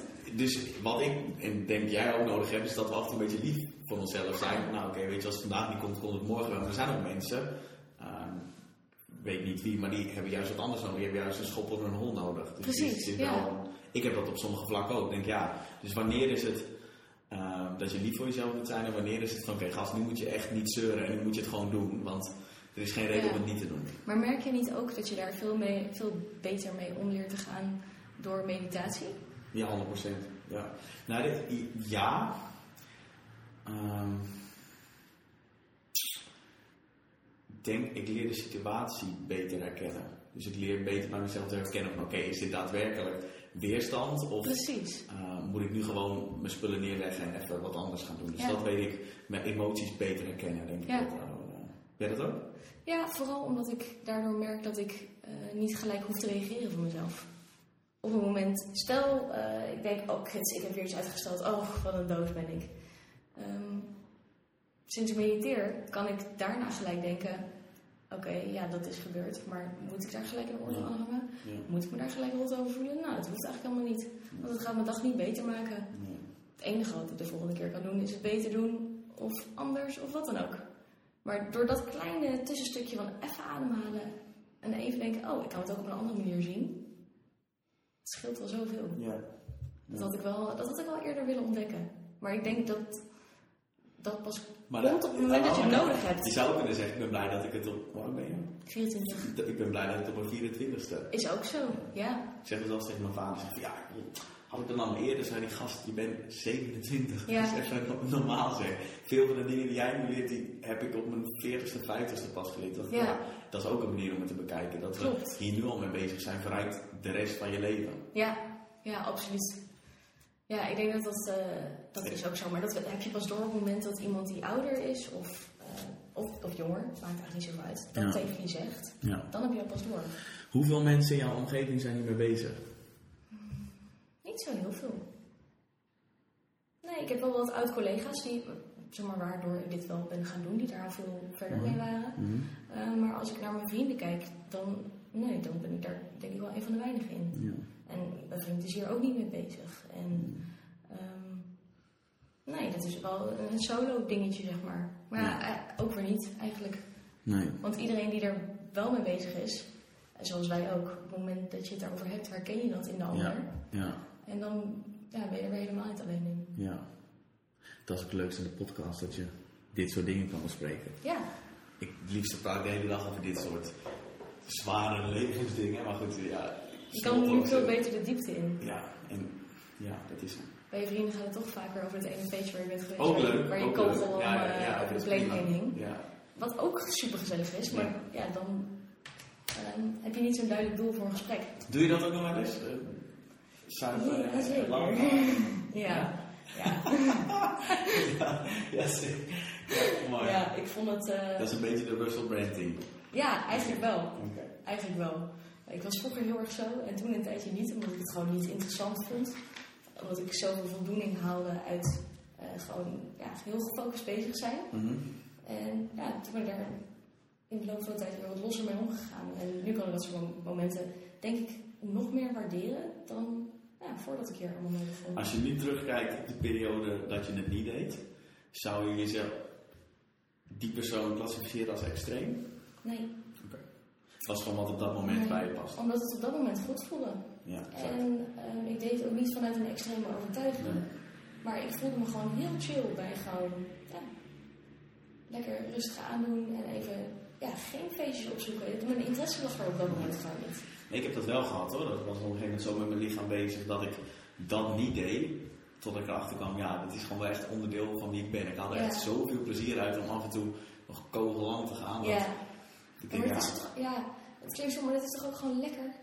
ja, dat is prima, ja. Dat je op, op welke wijze dan ook, met welk ja, middel dan ook, dat je toch even ehm, iets anders kan doen. Ja. Eens? En misschien vinden mensen dit wel heel suf of dom klinken, maar ja, ik vind het wel gewoon heel lekker dat het kan. Ja. En eigenlijk wat denk zou er suf en dom aan zijn? nou, dat je je genot zoekt in, ehm, in losgaan op een manier. Ja. Snap je? Ja. En, ehm, Ja, ik, ja, dat zou inderdaad kunnen dat iemand dat dom vindt. maar ja, dat, dat kan iedereen alleen maar voor zichzelf bepalen. Ja, En dat is eigenlijk ook alweer het mooie dat is daarvan. Ja. Ja. En wat ik echt leuk aan je vind is je ehm, ehm, positiviteit. Volgens mij is de, de hashtag happy happy, is die van jou? Of, Nou, op eh? een gegeven moment, ik gebruikte hem eerst niet. maar mensen gingen het tegen mij zeggen. Het, het is een liedje, Happy Happy Joy Joy. En ik, heb, ik zou niet eens weten, ja, het spreekt wel redelijk voor zich hoe die gaat, Happy Happy Joy Joy. Maar het is niet dat ik hem als een deuntje in mijn hoofd hoor zo. Maar op een gegeven moment gingen mensen dat ehm, gewoon onder mijn foto's plaatsen. Omdat ik nou, altijd dat blije kind was op Instagram, met die overdreven blije bek. ja. Als ik naar nu weer terugkijk, denk ik ook wel, ja, jezus, dan mag ook wel even iets minder. Maar goed, het is niet erg, want daardoor ben ik geworden wie ik nu ben. Dus het is helemaal prima. Ehm, maar ja, zoveel mensen gingen het zeggen dat ik dacht, ja, dan moet dan moet ik daar ook maar mijn uh, Ja, van maken. Ja. Grappig. En eh, je zei van, nou, vroeger met mijn blije kop. En ik moet mijn excuses aanbieden, denk aan elke fit girl die er ooit bestaan heeft. Want aan het begin, toen ik dat zag, dan had Ja. ik daar echt een oordeel over. En dat is al fout hoor. Maar dan dacht ik, Ja, maar moet ik snap het zo goed. Moet het elke keer zo positief? Maar, ik kom erop terug en daarom mijn excuses. Er is zoveel negativiteit en dat is zoveel Mhm. meer dan iedereen die een beetje positiviteit de wereld in slingert. Daar ben ik al gauw bij. Dus, eh, Oh, dat dus vind ik wel mooi. wat dat betreft, ehm, het Ja. kan niet positief genoeg. Het kan Ja. niet positief, als het maar oprecht is, dat vind ik wel anders. Als het maar vanuit de Was het dat altijd? komt. Ja, dat wel. Oké. Ehm, maar ook wel in de zin dat ik wel. Mijn, ik heb mezelf denk ik gewoon zo geprogrammeerd dat ik zoveel mogelijk de positiviteit ergens van in wil zien. Hoe heb je dat gedaan? Dat vind ik interessant. Ja, dat is een heel lang verhaal. Nee, dat, dat is gewoon. eh, kijk, iedereen maakt dat mee. Ieder huisje heeft zijn kruisje. En op een gegeven moment eh, kiest ieder, iedereen denk ik zijn eigen overlevingsstrategie. Mhm. En dit was die van mij. Dus, Grapjes maken en, en blij zijn en ehm, een beetje de, de clown van de familie blijven om het een beetje luchtig te houden. En dat werkte toen heel goed. Dus ik denk dat dat daar gewoon een beetje eh, uit voortgevloeid is. Klinkt heel zwaar. Nee, nee, nee, totaal maar, niet. Nee hoor, totaal niet. ehm, ja, zo- soms ben je gewoon zoals je bent. Oké. En voor mij werkte het heel goed om, om eh, mooie dingen in een dag proberen te zien. En En dat lukt er- ook niet altijd. Zijn er specifieke dingen die je dagelijks doet? Ken mensen, ik doe zelfs ochtends ook opschrijven waar ik dankbaar voor ben bijvoorbeeld of zo. Zijn er dingen die je dan ook doet om ehm, het mooie er ergens van in te zien? Ja, ik heb dan een tijdje voor het slapen gaan gaan. Oké. Ik dacht, oh, bijvoorbeeld eh, ehm, als ik echt een super kutdag had gehad, dat ik bijvoorbeeld gluten binnen had gekregen. Nou, dan is, het, dan is het huis echt te klein. Want dan kan ik me zo kut voelen. Niet alleen lichamelijk, maar ook mentaal. En dan is Wat, het, wat is het mentale aspect dan? ehm, je Heb ik het weer gedaan? Of? Nou, ja. ehm, ik hou mezelf er altijd heel erg verantwoordelijk voor. Want ik altijd uiteindelijk degene ben die het ding in zijn mond stopt. Waar Ja, het ja, ja, niemand die je dwingt. Nee. Oké, op die manier. Dus ik ben eindverantwoordelijke over mijn gezondheid. Mhm. Ehm, dus ik kan het me heel erg kwalijk nemen als ik denk, ja, had ik toch niet moeten doen. Of had ik toch Nee, beter op ja. moeten letten. Had ik toch meer vragen moeten stellen aan die ene ober? Of had ik toch maar niet het risico moeten nemen? Ja. Ehm, dus mentaal kan, kan ik daar best wel mee zitten. Dat ik denk, godverdomme, Ja. je moet dit er maar uitpiepen als dat niet nee. de podcast. Ehm, ja, je weet het niet. Sommige Amerikaanse shows doen dat wel. Omdat Oh ja? eh, ja, dan zit er weer een sponsor achter. Volgens mij zijn we in. Nederland wat minder eh Ja, preuts, klopt. dus dat Eh, kan prima. zijn we wat, eh, wat vrijer. Ja. Maar op dat soort momenten is het best wel lastig om het positieve ergens van in te zien. Ja. Maar toch probeer ik het. Dan Oké. denk ik, ja, oké, maar eh, ja, de zon schijnt wel. En dat is dan niet heel diepgaand op zo'n moment. Ja. Maar, het Maar het is, er zijn ook echt honderden onderzoeken die aantonen dat dankbaarheid gewoon het tegengif is tegen alles wat negatief is. Hè. Dus niet, er komt heel veel Ja. over, ja, vragen waar je dankbaar voor bent. Maar het is echt zoveel dat aanwijst dat het ook daadwerkelijk is. Ja. Onze hersenen, die zijn, of onze lichamen, die doen maar één ding en dat is overleven. Dus die zijn constant naar bedreigingen aan het kijken. Van, oh, Mhm. zie ik een sabeltandtijger om de hoek, want dan moet ik wegrennen. Precies. Dus die zijn niet bezig met... Dus jezelf gelukkig voelen, dat is jouw taak. En dat is een Ja. bewust iets. En dat kun je doen door dankbaarheid. Hoor ik wel eens mensen als ik dat zeg, van ja, ik doe ochtends mijn dankbaarheid. Dan zeg ik, ja, jezus, ga je dan elke ochtend? Ik moet eerlijk, ja, eerlijk zeggen, als ik het iemand anders hoor zeggen, dan komt er bij bij mij ook een beetje maagzuur naar boven. Dan denk ik ook, huh? Gadverdamme. Maar je voelt pas wat het doet op het moment dat je het doet. ja. Want als ik het zelf doe, dan vind ik het ook wel lekker cliché klinken. Maar er werkt niks zo ontspannend als bedenken waar je dankbaar voor bent. Ja. ja, volgens mij kun je niet boos zijn en dankbaar tegelijk. Of je kunt Nee. niet geïrriteerd zijn. Of je kunt niet iemand haten en iemand dankbaar zijn voor iets tegelijk. Probeer maar eens, ehm eh, beeld je een persoon in waar je nou, toch best wel een beetje boos op bent. En kies dan ook iets in die persoon waar je een beetje dankbaar voor bent. En dan ga je opeens heel anders naar die persoon kijken. Maar dat kun je ook met, met eh, objecten doen of met eh, het eh, beeld wat je hebt van een dag die je had. Ja, eens. En dat vind ik wel Eens. interessant. Dat je, Maar jij bent aan het eind van de dag, doe jij het. ja, nu niet meer. Ehm, ik heb nu juist meer dat ik me gedurende de dag be- bewust probeer te zijn van momenten dat ik denk, oh, dit is echt fucking chill. Gewoon een lekker warm kopje koffie of zo. Of ehm, als ik heb getraind en ik, ga, ik heb het geluk dat ik onder een warme douche mag staan, vind ik ook vet relaxed. Ja. En zo knullig en klein is het Mhm. af en toe. Mhm. Maar dat is wel wat werkt. Het werkt. Ja. Ja. En ik ook, kan ook voor hele grootste dingen dankbaar zijn hoor. Ik ben ook echt vet dankbaar elke dag voor het huis waar ik met mijn vriend in mag wonen. ja. En ehm, ja, dat ik, dat ik In gelukkig mooie Utrecht mag wonen. Precies. Ja. Of dat ik met jou een gesprek mag hebben. Met iemand die ook enthousiast wordt van de dingen waar ik ook enthousiast van word. Ja. Dat gaat allemaal wat dieper. En dat is allemaal wat, ligt wat zwaarder op de maag. Ja. Maar Ja, je kunt ook niet elke dag zeggen, oh, ik ben zo blij dat ik in een huis woon. Of ben, je mag het ook klein opzoeken. En Ja. je hoeft ook niet elke dag gelukkig te zijn. Nee. Ik denk dat dat ook heel belangrijk is. Ja. Dat je dat beseft. Ja. Dat het oké allemaal, is als je je eh, kut voelt. Ja. Sunshine and rainbows is. Voilà. Een paar Instagram berichten van je. Oh shit. Ehm, ja, zie je, ik lees ze dus nooit terug. nee, ik wel. Ja, Ik had gehoopt dat ik in de tussentijd soms iets meer had willen genieten van het proces. Sta in godsnaam stil bij wat je hebt. Dit is ook zo belangrijk. waar stond, waar stond hij bij? Ik heb geen idee. Waarschijnlijk bij een transformatiefoto of zo, denk ik. Eh, zou kunnen. Een gokje. Zou kunnen. Ik heb hier laatst over gelezen dat het een beetje, ze noemen dat de American Nightmare, dat geluk eh, vaak wordt gebaseerd op als ik X, dan pas ben ik gelukkig. Dus als ik dat heb bereikt, Ja, dan ben ik gelukkig. En dan is het altijd, eh, dat noemen ze een contingency, dus een, op een voorwaarde dat. En dan Mhm. win je nooit, want er is altijd, als ik het, dat is dus de aanname, de assumptie dat het op dit moment niet oké is, zeg maar. Ja. Dus ik moest lachen. Omdat, ook omdat het voor mij iets is waar ik stoei. Ja. Heel erg mee stoei. Ja. Ja, ik denk ook wel dat, dit, dat ik dit heb geschreven omdat ehm, ik heb heel snel een soort van transformatie doorgemaakt. Ik ben echt rete snel fit geworden. Als je kijkt naar ja, vergelijkbare... Wat is snel? Ja, toch wel echt binnen een half jaar dat ik dacht, dit is echt een hele andere joy. Ehm, Was je dik vroeger? Of? Nee, niet, niet dik. Ehm, dat kan ik echt niet van mezelf zeggen. Maar ik voelde me gewoon, ik was in een korte tijd best wel veel aangekomen. En ik voelde me gewoon niet chill in mijn lijf. En dat hoeft niet per se dik te zijn, maar ik was wel gewoon zwaarder. En dat stond voor mij gelijk aan niet actief zijn, ehm, te veel eten. En gewoon, ja, gewoon vanuit een hele oncomfortabele situatie waarin ik niet bij was met mezelf. Ja, oké. Oké. En dat veranderde, Mhm. omdat ik andere dingen ging doen. Mhm. Ehm, en dat is gewoon wel heel snel gegaan. En waarom dan dit bericht? Want je, op dat moment was je constant Kijk, als je bezig nou met... had opgezocht welke foto dit was, dan had ik er weer geen hulp bij gehad. Maar ehm, Zijn er dingen die je eh, bewust doet om een beetje op het proces te focussen in plaats van het einddoel? Ik hoop namelijk ook Ja. praktisch te zijn in de podcast. Dat je ja, kleine dingetjes. nou, dit is misschien een heel groot ding. Eh, kappen met het einddoel.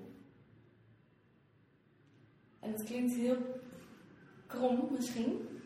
Ehm, maar ik weet wel, toen ik begon met trainen, had ik al een bepaald plaatje van oké, ik wil er ehm, op deze manier gespierd uitzien. Of fit zijn, of nou, deze spiermassa. Ehm, en dat werd dan een doel. En dan ga je daar heel erg naartoe trainen. En dan ben je op dat punt en dan denk je, oké, nou what? Wat gaan we nu doen? Ja, ja. Ehm, zeg niet dat ik niet heb genoten van het proces, maar dat doel had ik behaald. En ik merkte dat ik me wel chiller voelde, Mhm. maar niet dat ik exponentieel gelukkiger was geworden. Nee. Ik, werd alleen, ik werd juist gelukkiger door de dingen die ik deed. En het zelfvertrouwen dat ik daaruit haalde. Dus dan draai je eigenlijk het hele plaatje om. Waardoor je, ah, het klinkt zo cliché, maar op het proces focust in plaats van op het doel. Ja. Maar ja, als ik één tip kan geven, ditch the fucking goal. En dat werkt misschien niet voor iedereen, want ik kan me ook heel goed voorstellen dat juist een doel ervoor zorgt eh, dat je eindelijk dingen gaat doen.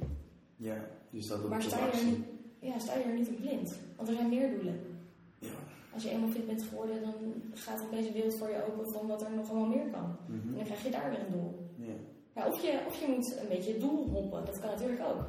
Maar niet als ultiem einddoel zien. Nou ja, ja, eens denk ik. Het is wat, wat je dan motiveert tot actie. Ik denk dat dat het belangrijkste is. Ja. Actie blijft uitvoeren.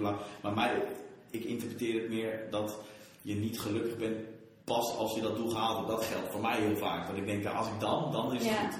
Als ik dat heb bereikt, dan is het goed. Als ik een goed lopend bedrijf heb met werknemers en als het allemaal goed gaat, dan ben ik gelukkig. Of als ik een Maar 8% lichaamsvet heb of een tweede huis in waar dan ook, dan ben ik. Dat het slaat echt nergens. Nee, want ben je dan trots op dat huis? Of ben je trots op eh, het verbouwingsproces wat je hebt door moeten, Nou ja, moeten ja, doorstaan? inmiddels. De, de, de kassen die je hebt moeten kopen. Ja.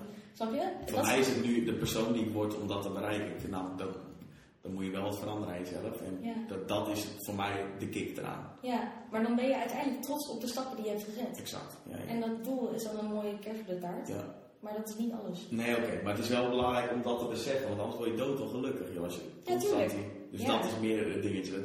Voor mij dan, het proces in de gaten houden. van, Oké, je bent de stap aan het nemen, wees daar allemaal blij mee. Ja, ja exact. Maar gewoon trots zijn op, elk verbeterd dingetje dat je maakt.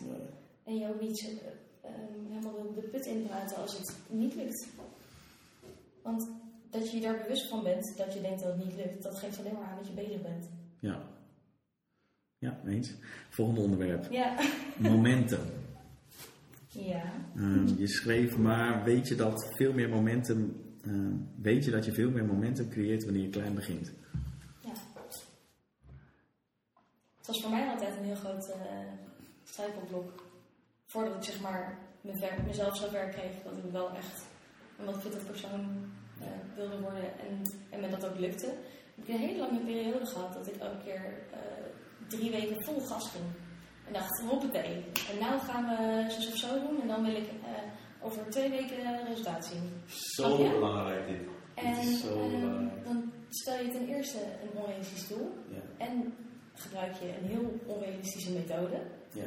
Eh, Want je wilt allemaal te snel en te, Ja. te graag. En je denkt op zo'n moment ook dat je hele extreme grote stappen moet zetten om ergens te komen. Voilà. Ja. Ehm, maar de hele tijd dat zwart-wit denken en dat ehm, vol gas of helemaal geen gas, ehm, dat werkt je tegen. Maar op het moment dat je elke keer jezelf beloont voor het feit, oh chill, ik heb nou weer training gedaan. Ja, oké, ik ben twee dagen niet geweest, maar als ik nu ga, dan ehm, ga ik weer door, zeg Ja. maar. Dus een beetje En een stapje terug is dat veel mensen niet eens beginnen, omdat ze, ze zien het als zo groot iets en ze Ja. zoveel weerstand. Dus als je klein begint, dan denk ik, ja, misschien moet ik niet direct vijf keer in de week gaan sporten, misschien moet ik eens naar buiten gaan en een half uurtje wandelen. Of die zak chips laten staan, of Ja. wat je dan ook wil veranderen. Maar gewoon, het is zo belangrijk om momentum op te bouwen. Want als het eenmaal, volgens mij is het de tweede wet van Newton, dat als iets rolt, dat Dan dingen makkelijker in Ja, en het is als ik het tegen mensen zeg, dan lijkt het zo knullig iets. Weet je, van begin gewoon één keer. Daarom doen mensen het ook Mhm. gelijk zo extreem. Zeg, ja, ik ga toch niet één keer. Ik heb ook mensen die ik begeleid. Dan zeggen ze, ja, moeten we niet meer doen? Ja, zeg, nou, laten we dat niet doen, want dat komt vanzelf wel. Maar laten we gewoon rustig aan beginnen. ja. Ze zeggen dat je je doel belachelijk klein moet maken. Ja, Dat het eigenlijk te stom wordt als je het zeg maar Ja. niet haalt. ja. wie heeft dat ook weer gezegd? Ja, geen idee, maar ik vind het een tof principe. Ja, Eh, dat als je bijvoorbeeld, om het even binnen dit eh referentiekader te houden, je wil gezonder gaan eten, Ja. wat het dan ook voor je mag zijn. ja, Dat je dan niet begint met een hele boodschappentas vol spinazie en avocado en eh, dubbel, eh, dubbel gefermenteerde tarwekiemen. Maar dat je ehm, elke dag bij wijze van spreken alleen even voor het avondeten een vitamine C-pilletje neemt. voilà. Niet omdat die vitamine C-pil wat voor je gaat doen, maar omdat je een hele kleine gewoonte creëert Ja. van beter voor jezelf zorgen. Ja. Wat het ook mag zijn in jouw optiek. Ehm, en dat wordt dan zo belachelijk klein. Want je hoeft alleen maar een glas water te pakken en een pilletje te nemen en door te slikken. Ja, En dat gaat je uiteindelijk uitdagen ja, van oké, maar dit kan ik makkelijk. Ja. Dan ook wel een stapje hoger. ja. En dan is het ook belangrijk om je ook voor die kleine acties schouderklopje te geven. Ja. Daar zou ik blij mee zijn, want anders denk je, ja, dat Ja. staat nergens op. En dan is het ook niet geloofwaardig. Maar als je jezelf echt denkt, nou chill, ik heb het vandaag weer gedaan. Mhm. Dan werkt het. Dan raak je gemotiveerd, dan bouw je momentum op. Precies. Ja, interessant. Ja, dus in beweging komen is belangrijker dan hele grote stappen maken. Eens. Ja. Toen heb je ook een heel verhaal. Ja, ik ga het niet helemaal oplezen, maar Nee, het ging vooral, ging vooral over de voordelen ehm, nou, van nou ja, gewoon met je lichaam bezig zijn en dat veranderen. Ehm, je noemde alle voordelen op. Ja, wat voor de denk ik, kan je hieruit extraheren? Of echt allemaal? Nou, dat je bezig bent met jezelf, dat je aan jezelf laat zien dat je een doel kan bereiken en dat het Ja. ehm, dat volgens mij en dat je er goed bij voelt. Wat zijn de nadelen van heel erg bewust ergens mee bezig zijn met of het fit zijn of ergens anders mee? Wat zijn daar de nadelen van? Ik denk dat vooral mensen om je heen ehm, vinden dat er nadelen zijn. Dus jij je? vindt, oké, vind jij dat er geen enkel nadeel zit aan eh, het Nou. feit dat je zo met je lichaam bezig bent? Dat denk ik. ehm, ik denk op het moment dat je dus handelt vanuit een principe waarbij je het beste voor jezelf wil. Mhm. En gewoon dingen van, ja, dat klinkt ook weer heel stevig, maar het doet vanuit liefde voor jezelf. Mhm. Dan maak je dus alleen maar keuzes, of tenminste zoveel mogelijk keuzes, die daaraan bijdragen. En die ervoor gaan zorgen dat jij je beter gaat Mhm. voelen. Mhm. Ja, wat is dan een nadeel? Nou, een nadeel kan zijn dat je ehm, jezelf oplegt dat je iedere dag bijvoorbeeld binnen een aantal calorieën blijft. Maar dan leg je het jezelf dus op en dan ben je niet uit de- aan het handelen vanuit de manier dat je goed voor jezelf wil zorgen.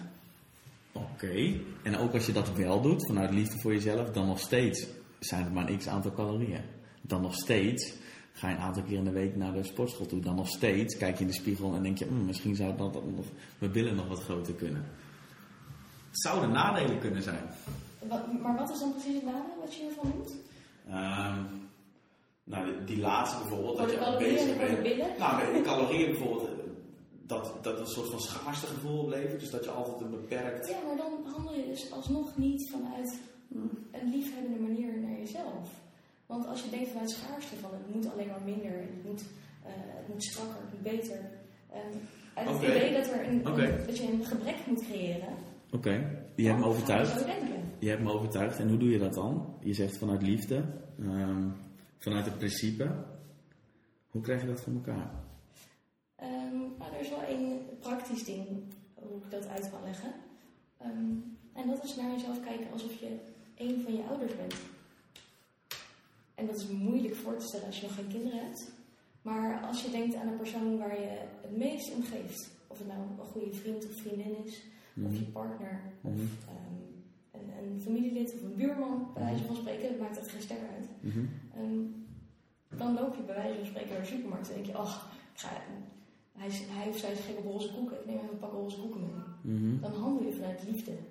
En of dat nou ehm, een appel of fles water, of wat dan ook.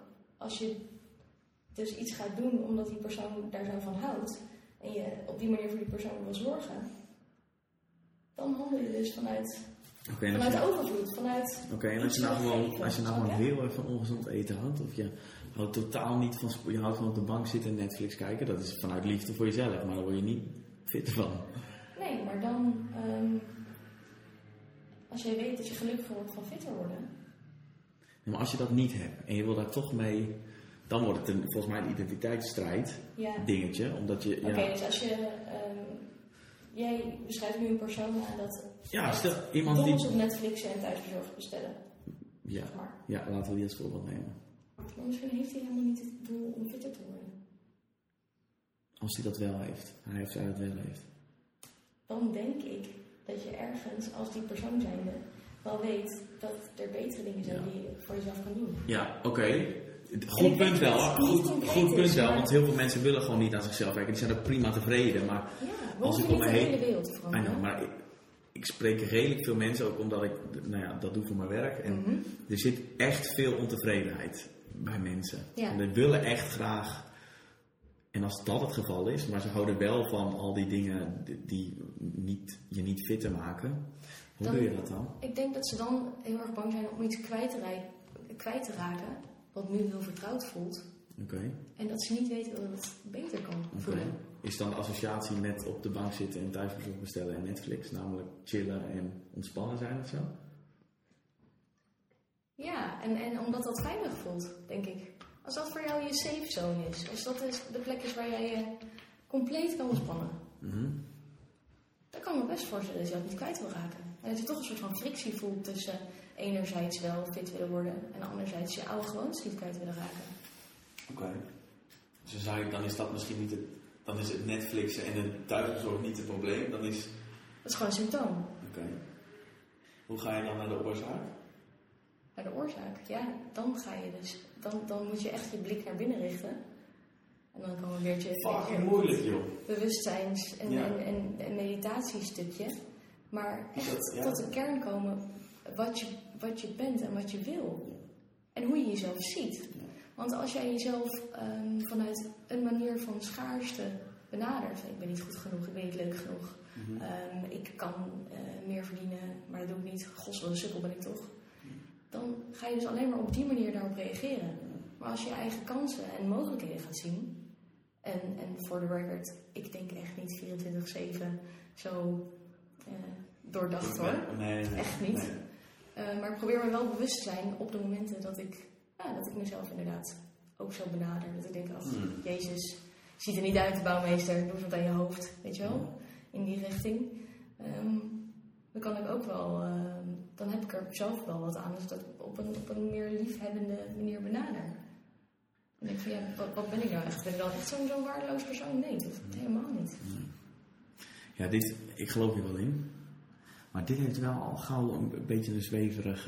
Ja, ik zou dit wel, als je dit nou cool kan maken. Dat het Ja. cool wordt om hiermee bezig te zijn. Dat probeer ik. En maar, in Amerika heb je gewoon van die enorme bazen, Gary Vaynerchuk, die heeft het alleen maar over dit soort dingen. Over, nou, Tom Bill, Tim Ferriss hebben het over dit soort dingen.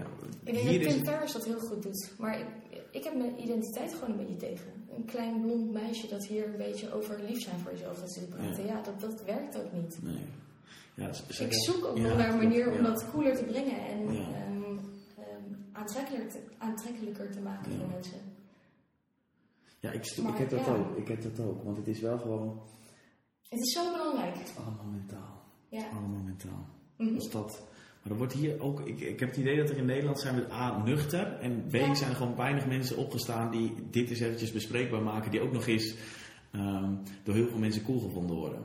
Ja, maar ik merk wel dat er een soort van trend is. Ik, denk, ik merk wel dat meer mensen ermee bezig raken. Ja, En meer mensen zich herkennen in... ik eh, denk ook dat, ja, eens. In, in, in de boeken van een Jan Geurts bijvoorbeeld. Ja. Echt mensen, als je dit luistert en je wil hier op een hele simpele, makkelijke, prettige manier mee in aanraking komen. Ja. Vind ik de boeken van Jan Geurts, Verslaafd aan Liefde is er eentje.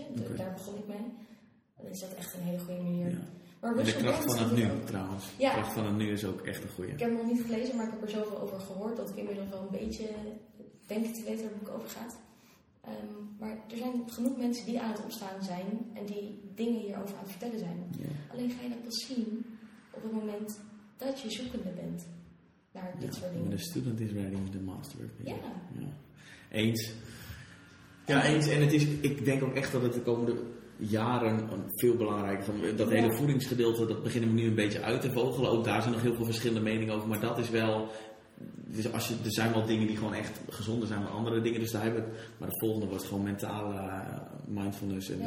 Ik denk dat iedereen die de eerste stap heeft gemaakt naar ehm, zeg maar het, het praktische stukje van fitter en gezonder worden, dat je daarna de vrijheid creëert voor jezelf om verder te zoeken naar wat Ja. er nog meer kan. Ja. En dat voeding en training en fitness en, eh, en al het gedrag wat daar aan gelinkt is, dat een hele mooie opstap is Ja. naar steeds een niveautje we hadden het er net inderdaad over een soort van katalysator Ja. voor wat is er allemaal mogelijk Ja. ja. Precies. Gewoon, maar als, je als ik terug ga kijken naar mijn eigen proces, dan was dat eh, bezig gaan met voeding en training. Dat was ook gewoon een eerste stapje van bewustzijn. Alleen een soort van ja, pre. pre eh, Ja, maar gewoon fysiek toch? Ja, Ja. fysiek bewustzijn van oké, wat stop ik naar binnen? Hoe voel ik me daarbij? Precies. Kan ik wat veranderen ook? Dat kan inderdaad. Ja. Heb- ja, eens. Eens. Ja. Is het dan ook zo dat mensen die daarmee bezig zijn geweest eerder ook met andere mindfulness? Ik weet niet of dat... Dat weet ik niet. Ik denk dat er ook wel een hele grote groep is die dat eh, lichamelijke en fysieke stukje helemaal niet gehad heeft. Nee. nee. Die, die zijn er ook, maar ik denk dat Ja. Mensen die bewust met zichzelf bezig gaan, er wel meer voor openstaan om te onderzoeken wat er nog meer kan. Ja. ja, nu ik erover nadenken, Guy heb ik dan eh, en Michael Mhm. heb ik dat zijn de nuchterheid zelf, Ja. zijn echt extreem, maar toch zijn ze ook wel, ze brengen het dan niet, ze zeggen dan niet vanuit liefde, dat zou ik ze niet horen zeggen, maar ze zeggen wel gewoon, ja, Maar ik ben alleen maar blij dat dat niet gebeurt. Dat het niet alleen maar eh, zo zwevig overkomt Mhm. als dat ik het nu vertel. maar het is niet zweverig, hè? Ik, ik volg Nee. het wel, maar I know, maar ik kan me mensen kunnen het interpreteren als zweverig. goed voorstellen als je hier Mhm. totaal nog niet mee in aanraking bent gekomen, dat je echt denkt, wow, wat is deze? Ja. Ja. Wat heeft zij gedaan? Ehm, maar ehm, daarom ben ik zo blij met een Russell Brand. Met zo'n sex, rock, eh, sex Ja. drugs en rock and roll gast die gewoon gaat vertellen, ja maar eh, hallo, het kan ook anders. Ja. Ehm, en zo zullen er meer mensen opstaan. Er zijn opgestaan, maar het is Ja. maar net wat je wil horen. ja, Weer die bias. Weer die bias. Ja. Ja. Maar ik ga er mee door met dit soort onderwerpen. Ja, ik dat vind het ik mooi. heel cool.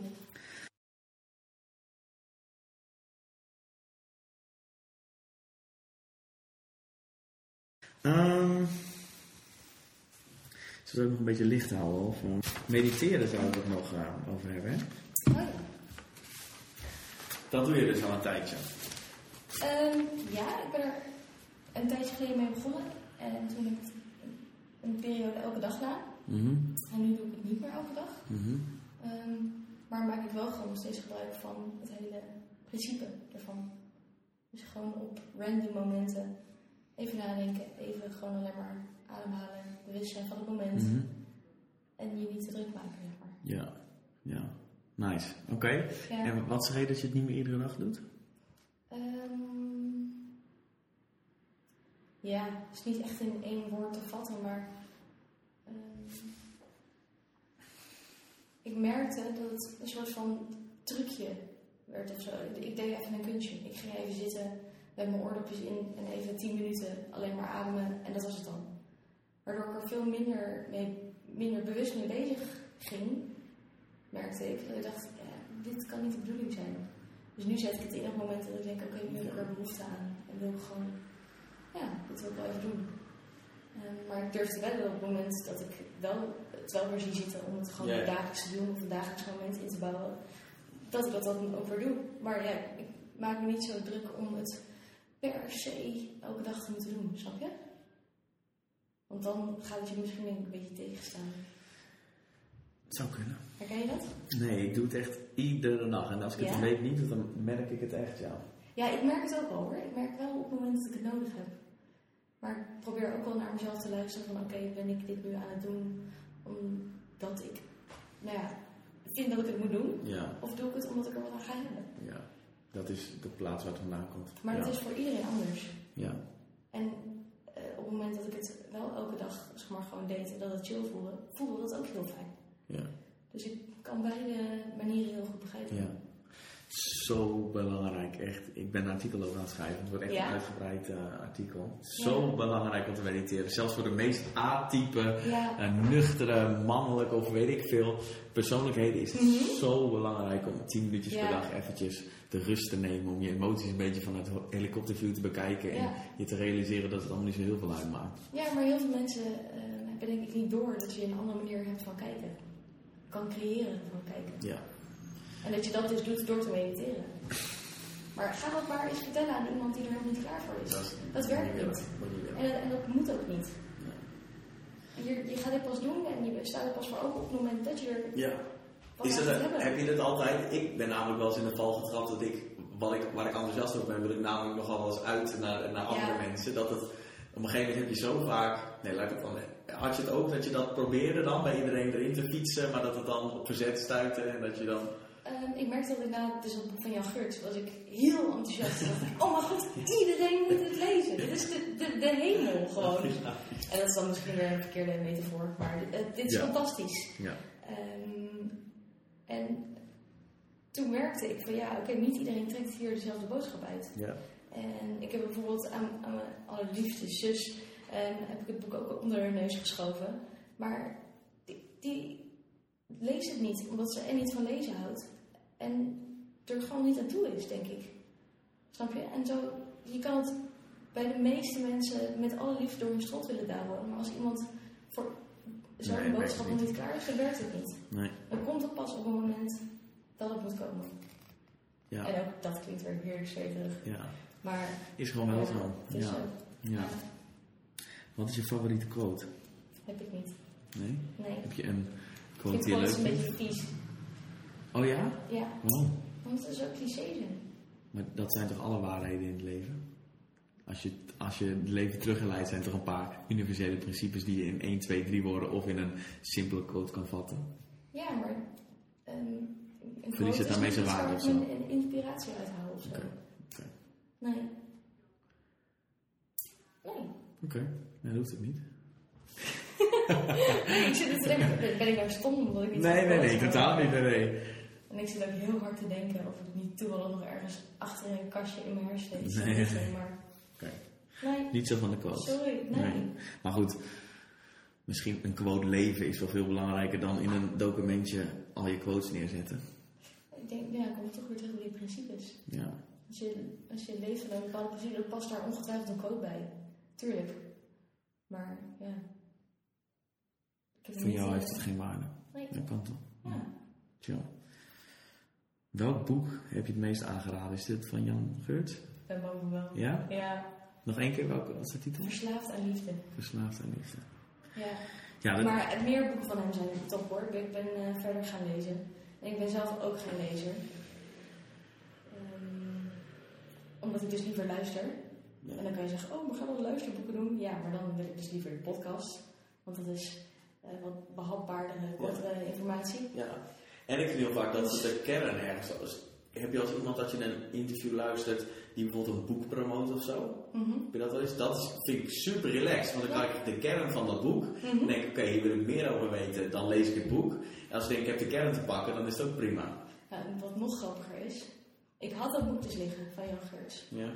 En toen zag ik opeens de Project Leven Show ja, voorbij komen. met Jan een podcast met Jan Geurts. Toen dacht ik, hé, hey, wacht eens even, even, ik heb een boek liggen. Ik ga de podcast luisteren. En toen ben ik dus, naar aanleiding van die podcast, het boek gaan lezen. Dus ja, ik ben super fan van podcasts waar ze boeken, Ja, ja, boeken promoten. Want dan weet je gelijk, oké, is dit iets voor mij of niet? Geloof je dat dit het lot is of zo? Of heb je, Hoe bedoel je? nou, dat je, dat, je um, dat boek hebt liggen en dan in één keer luister je een podcast van? Ehm, nee, dat geloof ik niet. Ik denk ook niet dat, er, eh, dat je dat eh, aan kan trekken als je het maar graag genoeg wil Nee. of zo. Ik denk, Nee. maar ik denk wel dat je soms op een bepaald level bezig bent en nadenkt. En dat de dingen die daarbij passen vanzelf daar aan gaan klikken. Ja. En dat je vanzelf open gaat staan voor die dingen. Ja. ja, dat beetje de law of attraction waar ik echt een bloedhekel aan heb. Ja, Maar dit is gewoon ook bewezen gewoon dat je aan tigduizend dingen denkt op een dag en je hebt iets als je RAS, Mhm. Reticular Activation System, dat Ja. is zeg maar waar je op focust, zie je ook. Dus Ja. datzelfde als dat je Exact. aan een bepaalde auto, eh, die wil je graag en dan één keer zie je overal die auto. Of als je aan een persoon denkt en één keer zie je op Facebook, Ja, het is gewoon, je denkt aan zoveel dingen en als je ergens op focust, dan krijg je die dingen ook. eh Ja. Het is wel ook een belangrijk principe, maar de Law of Attraction, ik heb daar, dan wordt het voor mij echt te zweverig. Van oh, als je maar denkt, dan krijg je weer een beetje braak ik heb hoor. iemand gehoord die zegt, ja, ik ga naar de supermarkt. En als ik naar de supermarkt rijd, dan bedenk ik me dat er een plekje vrij is. En als ik dan vervolgens bij de supermarkt aankom, is er een plekje vrij. Nou, dan, dan ga ik echt op de grond liggen huilen, want dan geloof ik echt zo niet Ja. in. Ik, ik denk dat het niet veel meer is dan. ehm ja, Geloof je daar zien- wel in? Nee, Oké. ehm, zien wat je wil zien. Dat doen we allemaal. Ja. En op het moment dat jij iets leuks in je dag wil zien, dan ga je dat zien. Op het moment dat je je daar niet voor openstelt, dan ga je het niet zien. ja. Maar ik denk niet dat je altijd alles maar als een of andere gloeiende bal naar je toe kan trekken. Nee, echt hè. Ehm, Nee. Ik denk wel dat je je leven op een positieve manier kan beïnvloeden als je open staat voor dingen. Ja. Als, je, eh, als je op een bepaalde manier gaat denken. Maar dat geeft geen garantie voor een, een, een leuk, gelukkig leven. Want je kan nog zo positief denken, maar als je, eh, als je ziek wordt, maar echt serieus ziek, ja, dan kan je nog zo positief denken. Maar als je terminaal bent, dan ga je daar dus niet beter van worden. Nee. Snap je? Je hebt niet alles in de hand. Nee. Nee, dat klopt. Ik vind het heel goed als je verantwoordelijkheid neemt voor het gedeelte waar je wel invloed op uit kan oefenen. Maar je moet je ook realiseren dat iemand die in Ghana geboren wordt echt een ander leven heeft dan iemand die hier met zijn billen in een ziekenhuis belandt. Ja. Snap je? Ja. Ja. Je kan niet alles beïnvloeden. Dat moet je ook niet willen. Eens. Heel kort. ehm, Ja. Heel kort. Jouw auto-immuunziekte. Ja. Je bent, ehm, nou ja, je wil dat volgens mij ook onder de aandacht brengen, wat denk ik ook heel belangrijk is. Ehm, heel kort wat het is. En ook belangrijk denk ik dat ook al heb je dat niet, Mhm. dat gluten ook nog best wel een negatief effect op je kunnen hebben. Vind je dat? Wat zeg je? Vind je dat? Dat er- ervaar ik zelf. Oké. Ehm, en dat is ook wat ik gelezen heb. Dat er een verschil... Iedereen denkt, oh, als je celiakie hebt, dan kun je het helemaal niet hebben. Maar er zijn ook mensen die er gewoon gevoelig voor zijn. En die dat merken als ze het eten. Ja, de, de ellende is. ehm, Of is dat niet zo? Ik, ik je, weet het niet. toen je zei, vind je dat? Toen dacht ik, Ja. oeh.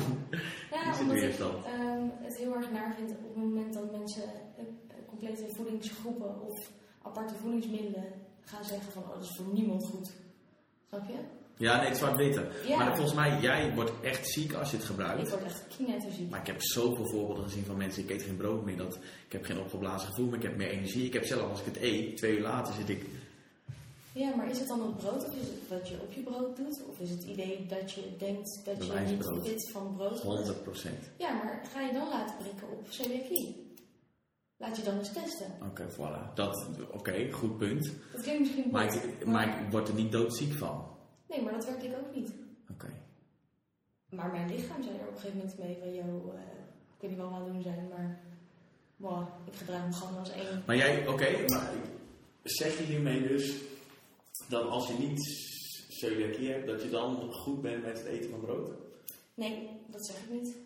Ehm, ik zeg alleen dat celiakie een auto-immuunziekte is waarbij je niet tegen gluten kan. Oké. Ehm, Oké, nou dan hebben we ook gelijk een definitie. dat, dat, is, eh, dat is één. Ehm, dat kan gewoon vastgesteld worden met een bloedtest waar ze prikken op je antistoffen ervoor. Oké, Mits je op dat moment wel gluten eet.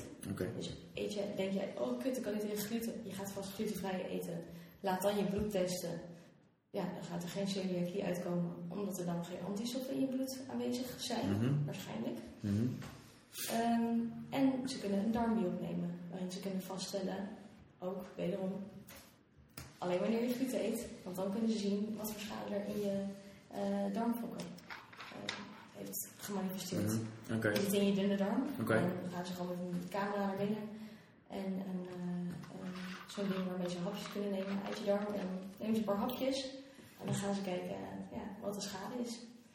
En dat is de manier om celiakie vast te stellen. Er zijn ook een paar ziektes die ze ehm, ja, non-celiac eh, gluten sensitivity noemen. Dus gevoeligheid voor gluten, Mhm. wat eigenlijk tarwe zou moeten zijn, Mhm. maar die zich geen celiakie kunnen noemen.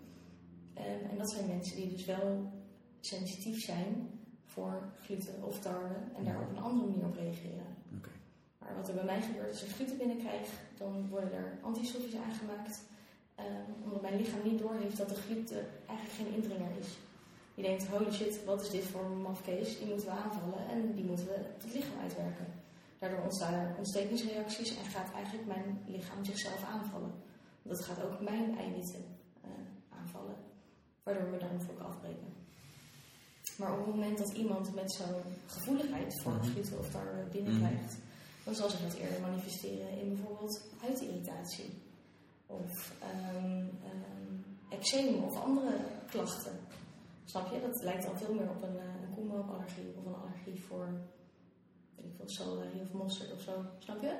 Dat uit zich dan via een hele andere weg, omdat er hele andere ehm, pathways mee eh, gepaard gaan.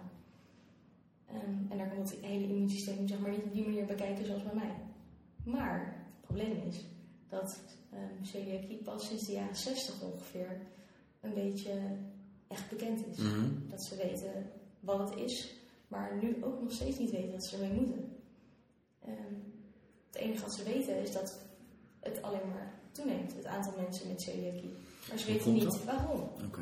Ik heb toevallig gisteren nog een redelijk groot artikel gelezen waarin verschillende wetenschappelijke eh, ja, dossiers aangehaald worden. Mhm. En de conclusie daarvan is eigenlijk: at this point, we just don't know. Nou, ja. nou, wat op zich een eh, goede conclusie is, en ook een hele nederige conclusie, zijn er meer mensen die Ja. doen, maar- Ja, maar ze zijn heel erg zoekende. Ten eerste waar het vandaan komt. En, maar ten tweede wat we ermee kunnen doen. En ten derde hoe we ervoor kunnen zorgen dat niet nog meer mensen er last van krijgen. Ja, want er zijn heel veel mensen die dat wel hebben, maar gewoon niet Naar, bewust. ja, naar schatting is volgens mij 70 tot- of 80 procent niet gediagnosticeerd. En dat is best wel wat voor een ziekte die best wel veel impact kan hebben. Ja. Ik heb ook tot mijn negentiende gewoon gluten kunnen eten of ja, gegeten. Ja. Ehm, en dus Niet, dat be- is nu, eh, niet bewust van de gevolgen die het had. Nee. Nee, want ik kreeg op mijn negentiende pas de diagnose. Ja, ja oké. En zo zijn er nog veel meer mensen die met dezelfde vage klachten eh, lopen of hebben gelopen. En ehm, ja, niet weten dat ze het onder de leden hebben. Er zijn ook heel veel mensen van 60 die er dan pas achter komen. Dat ze hun hele leven gewoon gluten hebben gegeten. En dan eh, Ja. ja, ope- opeens de zaak zijn, terwijl ze het eigenlijk al altijd waren. Zeg maar. Ja. Dus ik denk dat je heel voorzichtig om moet gaan met eh, claims van oh, gluten is voor niemand goed. Nee. Want ze weten het niet. Nee. Maar mocht je, twijfelen, mocht je dit luisteren en twijfelen over celiakie, denken dat je er op, op wat voor manier dan ook last hebt van gluten, blijf dan wel even gluten eten en ga naar je dokter. Ja, dat vroeg ik me af. Dat, dat las, ik, las ik ook. Ja, Want je zei ja, anders mis je eh, ehm, veel voedingsstoffen. Is dat zo? Wat absoluut. mis je dan? Ehm, uit mijn hoofd is het een aantal B-vitamines. Mhm. Volgens mij 1 en 3, maar pin er niet op vast. Ehm, ijzer, foliumzuur, jodium. Maar er zijn toch prima andere bronnen om dat binnen Er te zijn krijgen? in principe prima andere bronnen, maar dan moet je wel weten dat je het mist. Oké. Want als je zonder, als je echt met twee vingers in je neus overschakelt op een glutenvrij dieet, Mhm. omdat je denkt dat het beter voor je is, Mhm. dan ga je automatisch heel veel volkoren granen schrappen. En er zitten best wel veel belangrijke voedingsstoffen in. Vezels, vitamine. Snap je? Dus als je dat mist en denkt, oh maar eh, glutenvrij eten is per definitie gezonder, dan heb je het gewoon fout. Ja. Oké. Dus die nuance. Ja, Oké. Daar kan ik wel in komen. gelukkig. Ja. Ja, ik dacht dat je, dat je het anders bedoelde. Hoe dat je het bedoelt? Nou, dat je gewoon... Dat je niet... Als je glutenvrij... Kijk, het is gewoon wat eet je daarnaast. Dat is het belangrijkste. Ja. Wat eet je daarnaast. Als je gewoon je het groentes eet. En, exact. Ja, Dus ik... ehm, maar kijk, weet je wat het is? Jij bent je al heel bewust van wat je eet. ja, en wat je binnenkrijgt en hoe je leeft. Maar er is ook een heel groot gedeelte van de bevolking Die dat niet heeft. die dat niet heeft. Nee. Die luisteren waarschijnlijk ook niet deze podcast. Nee. nee. Maar die hebben geen idee. Die denken, oh glutenvrij beter, joh, ga even doen. Ja. Ja. En die hebben geen idee. En die zitten straks bij de huisarts omdat hun schildklier niet meer werkt. Ja. Ja, dat is best kut. Ja. ja. Check. Dus heb je, denk je er last van te hebben, kun je het beter gewoon laten testen en voorlopig Altijd. nog even. Altijd, maar ook als je denkt eh, niet goed tegen dierlijke producten te kunnen. Of eh, niet goed te gaan op zuivel of wat dan ook. Ga gewoon bij je dokter op de thee. Zo moeilijk is het niet. Nee, En zeg gewoon, yo dokter, ik Ja. voel me echt helemaal, helemaal. Ja. En dan zegt de dokter rust houden. Ik ben even een opladen. Oh, ja. Thomas staat opeens op en Ja. dan gaat opeens allemaal dingen doen. Ik zat een beetje verbaasd te kijken, maar jullie zien dit natuurlijk niet. Maar eh, mijn laptop heeft het Mijn zwaar. eerste podcast eh, was, eh om mijn tweede was bij Peter. Toen gaf ik hem een hand. En toen zat hij er eens op te kijken van gast. Niemand Ja. ziet het. Heerlijk. ja. Ja. Alright. Nee, maar ja, eh, mocht ze ergens last van hebben of niet, ga, klets je gewoon met je dokter. Wees je er niet Ja. bang voor. Ja. Ze zijn er alleen maar om je te helpen. Ja. Ja. Ehm, welk boek wil je nog lezen? Veel, heel veel. Ja, Nummer ik, één. heb, ik heb een hele lijst op bol.com staan. Maar ik denk toch wel eh, het eh Eckhart Tolle. Kracht van nu. Ja.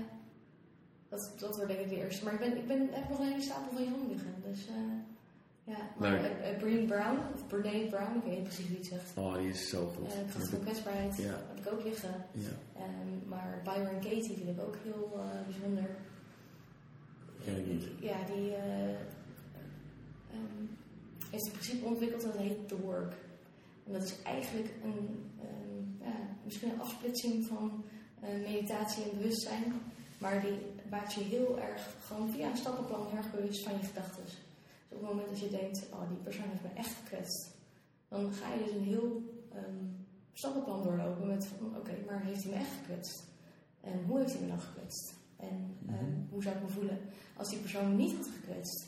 En Is dit wat je automatisch doet of is dat wat in het boek staat? Dat is wat in het boek staat. Oké. Ja, dat is haar principe, dat heet The Work.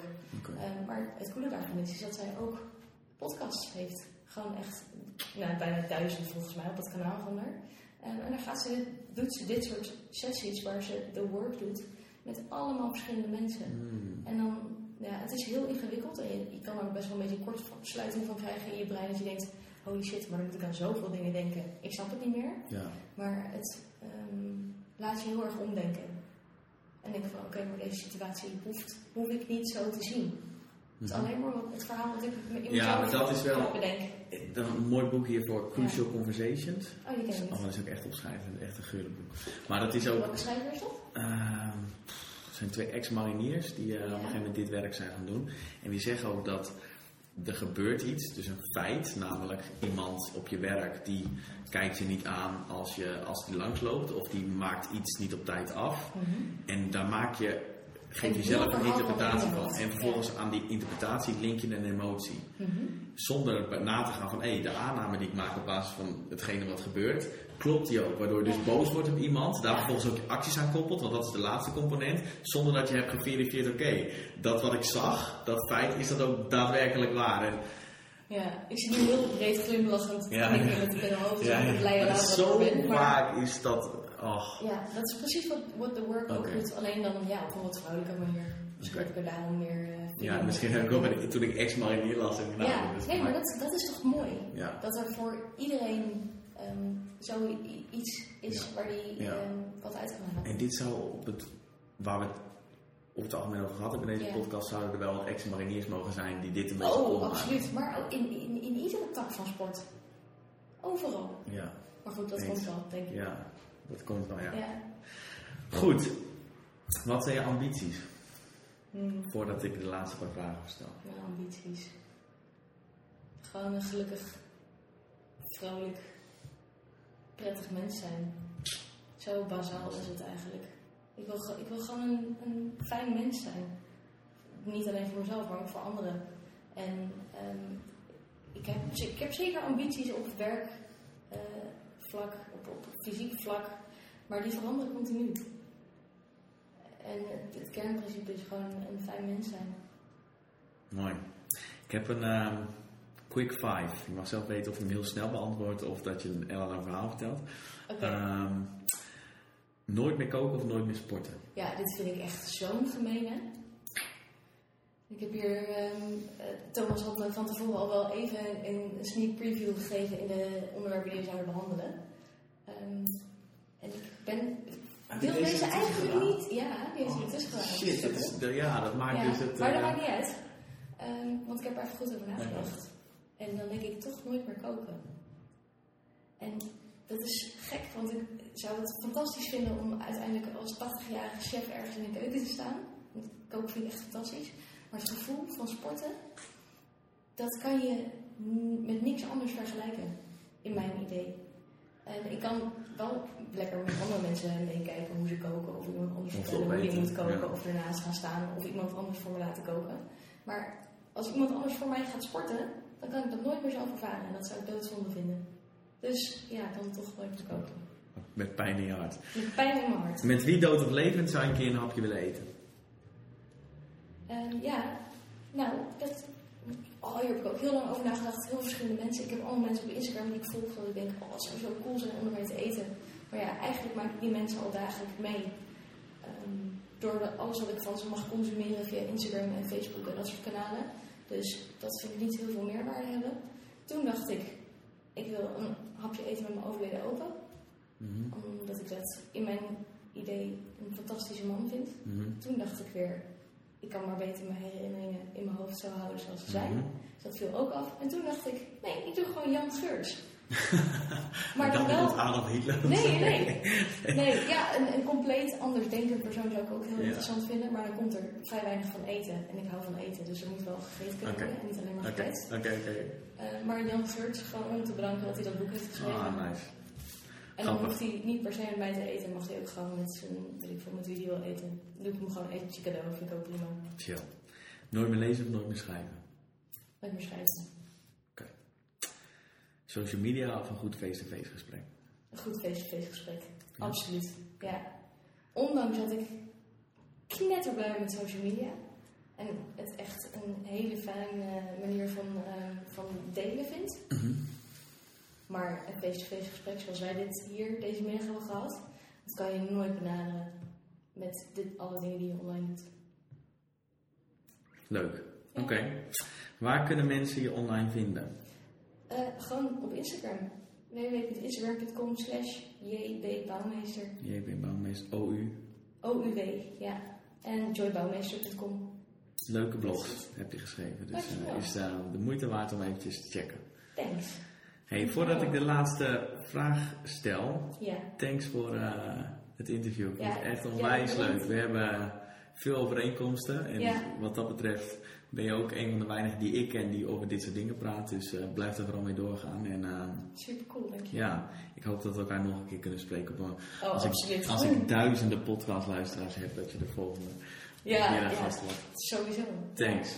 En misschien als ik ooit mijn eigen podcast ga doen.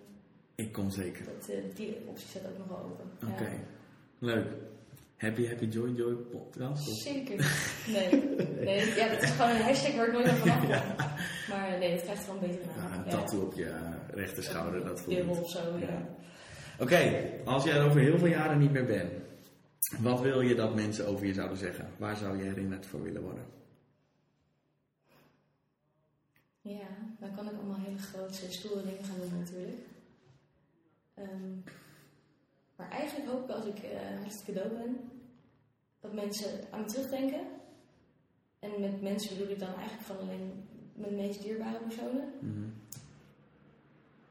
En dat ze gewoon een soort van warm gevoel krijgen. Dat ze ehm, het idee hebben dat ze wat aan mijn aanwezigheid hebben gehad.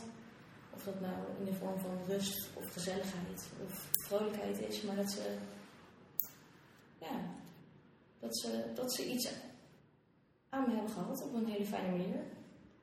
Heel veel meer dan dat hoeft niet. Nee. Nee. Chill. Mooi, dankjewel. Ja, dankjewel.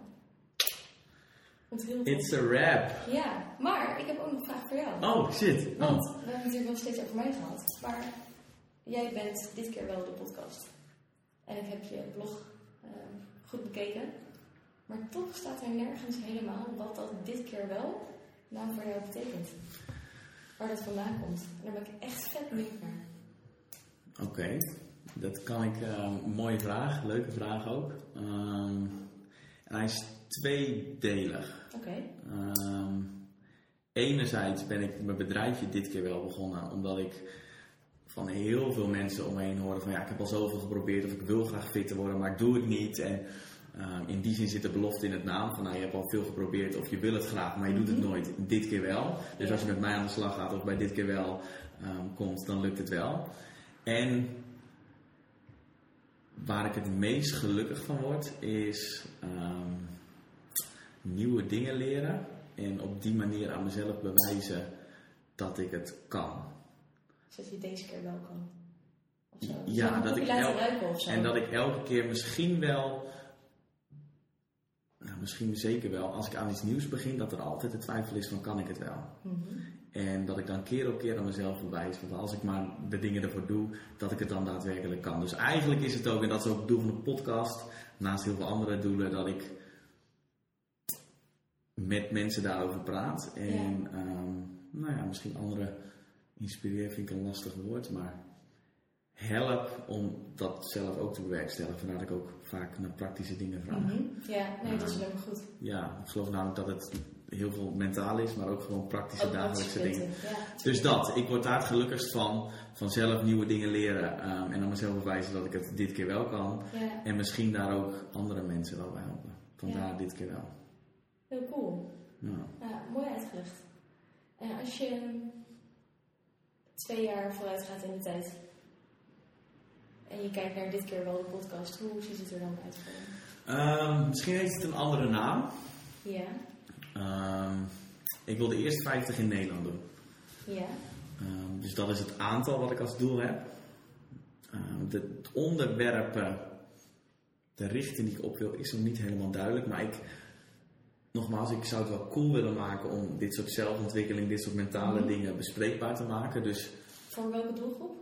de- dat is ook steeds de vraag die ik stel aan podcastluisteraars. Ja. Hoe denk jij dat het interessant is? Maar mensen die in ieder geval bezig zijn met het verbeteren van zichzelf. Zo'n beetje mensen die zich met jou kunnen identificeren Ja, als persoon. ik zou mijn eigen podcast leuk vinden. Ja. dat is ook logisch, want ik bespreek ook dingen die... Ja, precies. Maar je, je wil dus eigenlijk ehm, gewoon het, het zweverige stukje van deze lifestyle. Zelfontwikkeling cool cool maken. Ja, Ja. Voor mensen Ja, die in hetzelfde schuitje zitten of voor de helft in hetzelfde schuitje- zitten als jij. ja, ja. En waar komt dat vandaan? Ik zei net zelf dat ik dit keer wel de podcast, dat ik het leukste, het gelukkigst word van dingen aan mezelf bewijzen. Dus nieuwe Ja. vaardigheden leren en aan mezelf bewijzen dat ik dat kan. En via mijn podcast zou ik anderen ook wel en de toestemming en de tools willen geven om dat ook bij zichzelf te doen.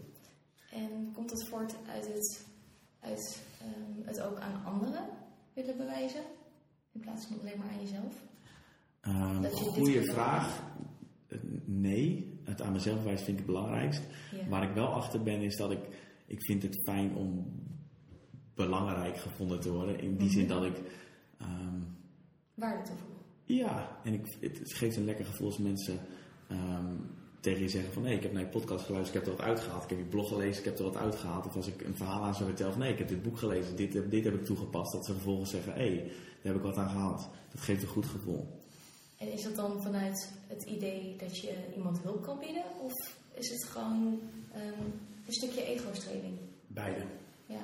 Ja, ik kan wel zeggen dat het vanuit een... Maar dat vind ik alleen maar heel mooi dat Ja. je dat gewoon zegt. Ja, het geeft, Want zo ja. werkt het. Ja, ja kijk, volgens mij is anderen helpen even altruïstisch als dat het egoïstisch is. Want Ja. het feit dat je iemand helpt, geeft jezelf een goed gevoel. Dus dat maakt het Dat egoïstisch. je waarde toevoegt aan een Ja. community of Ja. wat dan ook. Ja, en ik denk dat dat ook voortkomt uit het feit dat ik klein ben. De Napoleon-complex is gewoon, dat Ah, leeft echt. Dus ehm, een stukje compensatie. En voor mij ben je niet klein, want ik ben Ja, echt ja, ja, heel ja. klein. Dus ik zie jou als een normale lengte, Ja, tuurlijk. Ja, tuurlijk. Ja, het is inmiddels, ik heb daar geen last van dat ik Nee. 1,73 ben of zo. Ik weet veel hoe lang ben.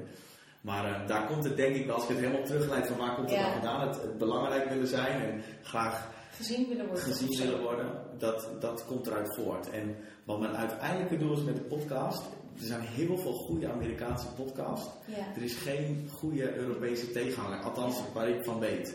Je hebt bijvoorbeeld ehm superveel interessante Europese mensen die dolgraag zou willen interviewen. Dus ik zou wel, en dat is mijn, over twee jaar zou ik er wel willen zijn, dat ik bijvoorbeeld ieder weekend naar een Europese stad Ja. vlieg.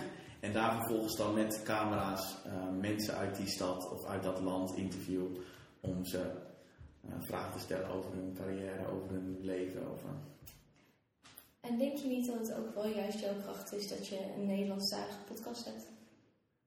Dat zou kunnen, dat moet de tijd Ik leren. snap dat je gelijk natuurlijk het grote plaatje voor je ziet en denkt, oh Tim Ferriss, eh soortachtige situaties. Mhm. Maar ja, ik als Nederlander vind het bijvoorbeeld heel relaxed om ehm, toch ook gewoon naar Nederlandse podcasts te luisteren.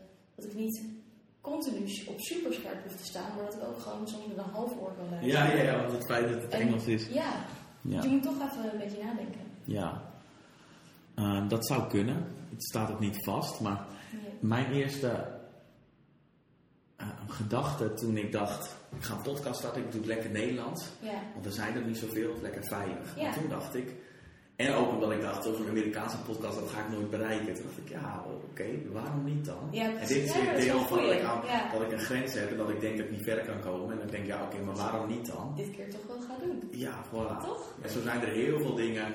En ik ben niet de enige die daar constant aan twijfelt. De, volgens mij heeft Nee, nee, twijfelt iedereen hier voilà, voilà. Alleen, er zijn denk ik universele principes die werken om daarmee om te gaan. Om- Ja. En ik zou die wel willen ontrafelen en via interviews, via zelfstudies, zelfervaring en dat Ja. soort dingen behapbaar maken. Cool willen maken en dat door willen geven. Of het zij via een podcast, het zij via een blog, het zij via een video Mhm. om daar ook andere mensen mee te helpen. Nou, ik denk dat dat een heel mooi doel is. En dat ik heel blij ben dat ik daar in deze beginfase een heel klein beetje aan bij mogen dragen. Ja, Ja. natuurlijk.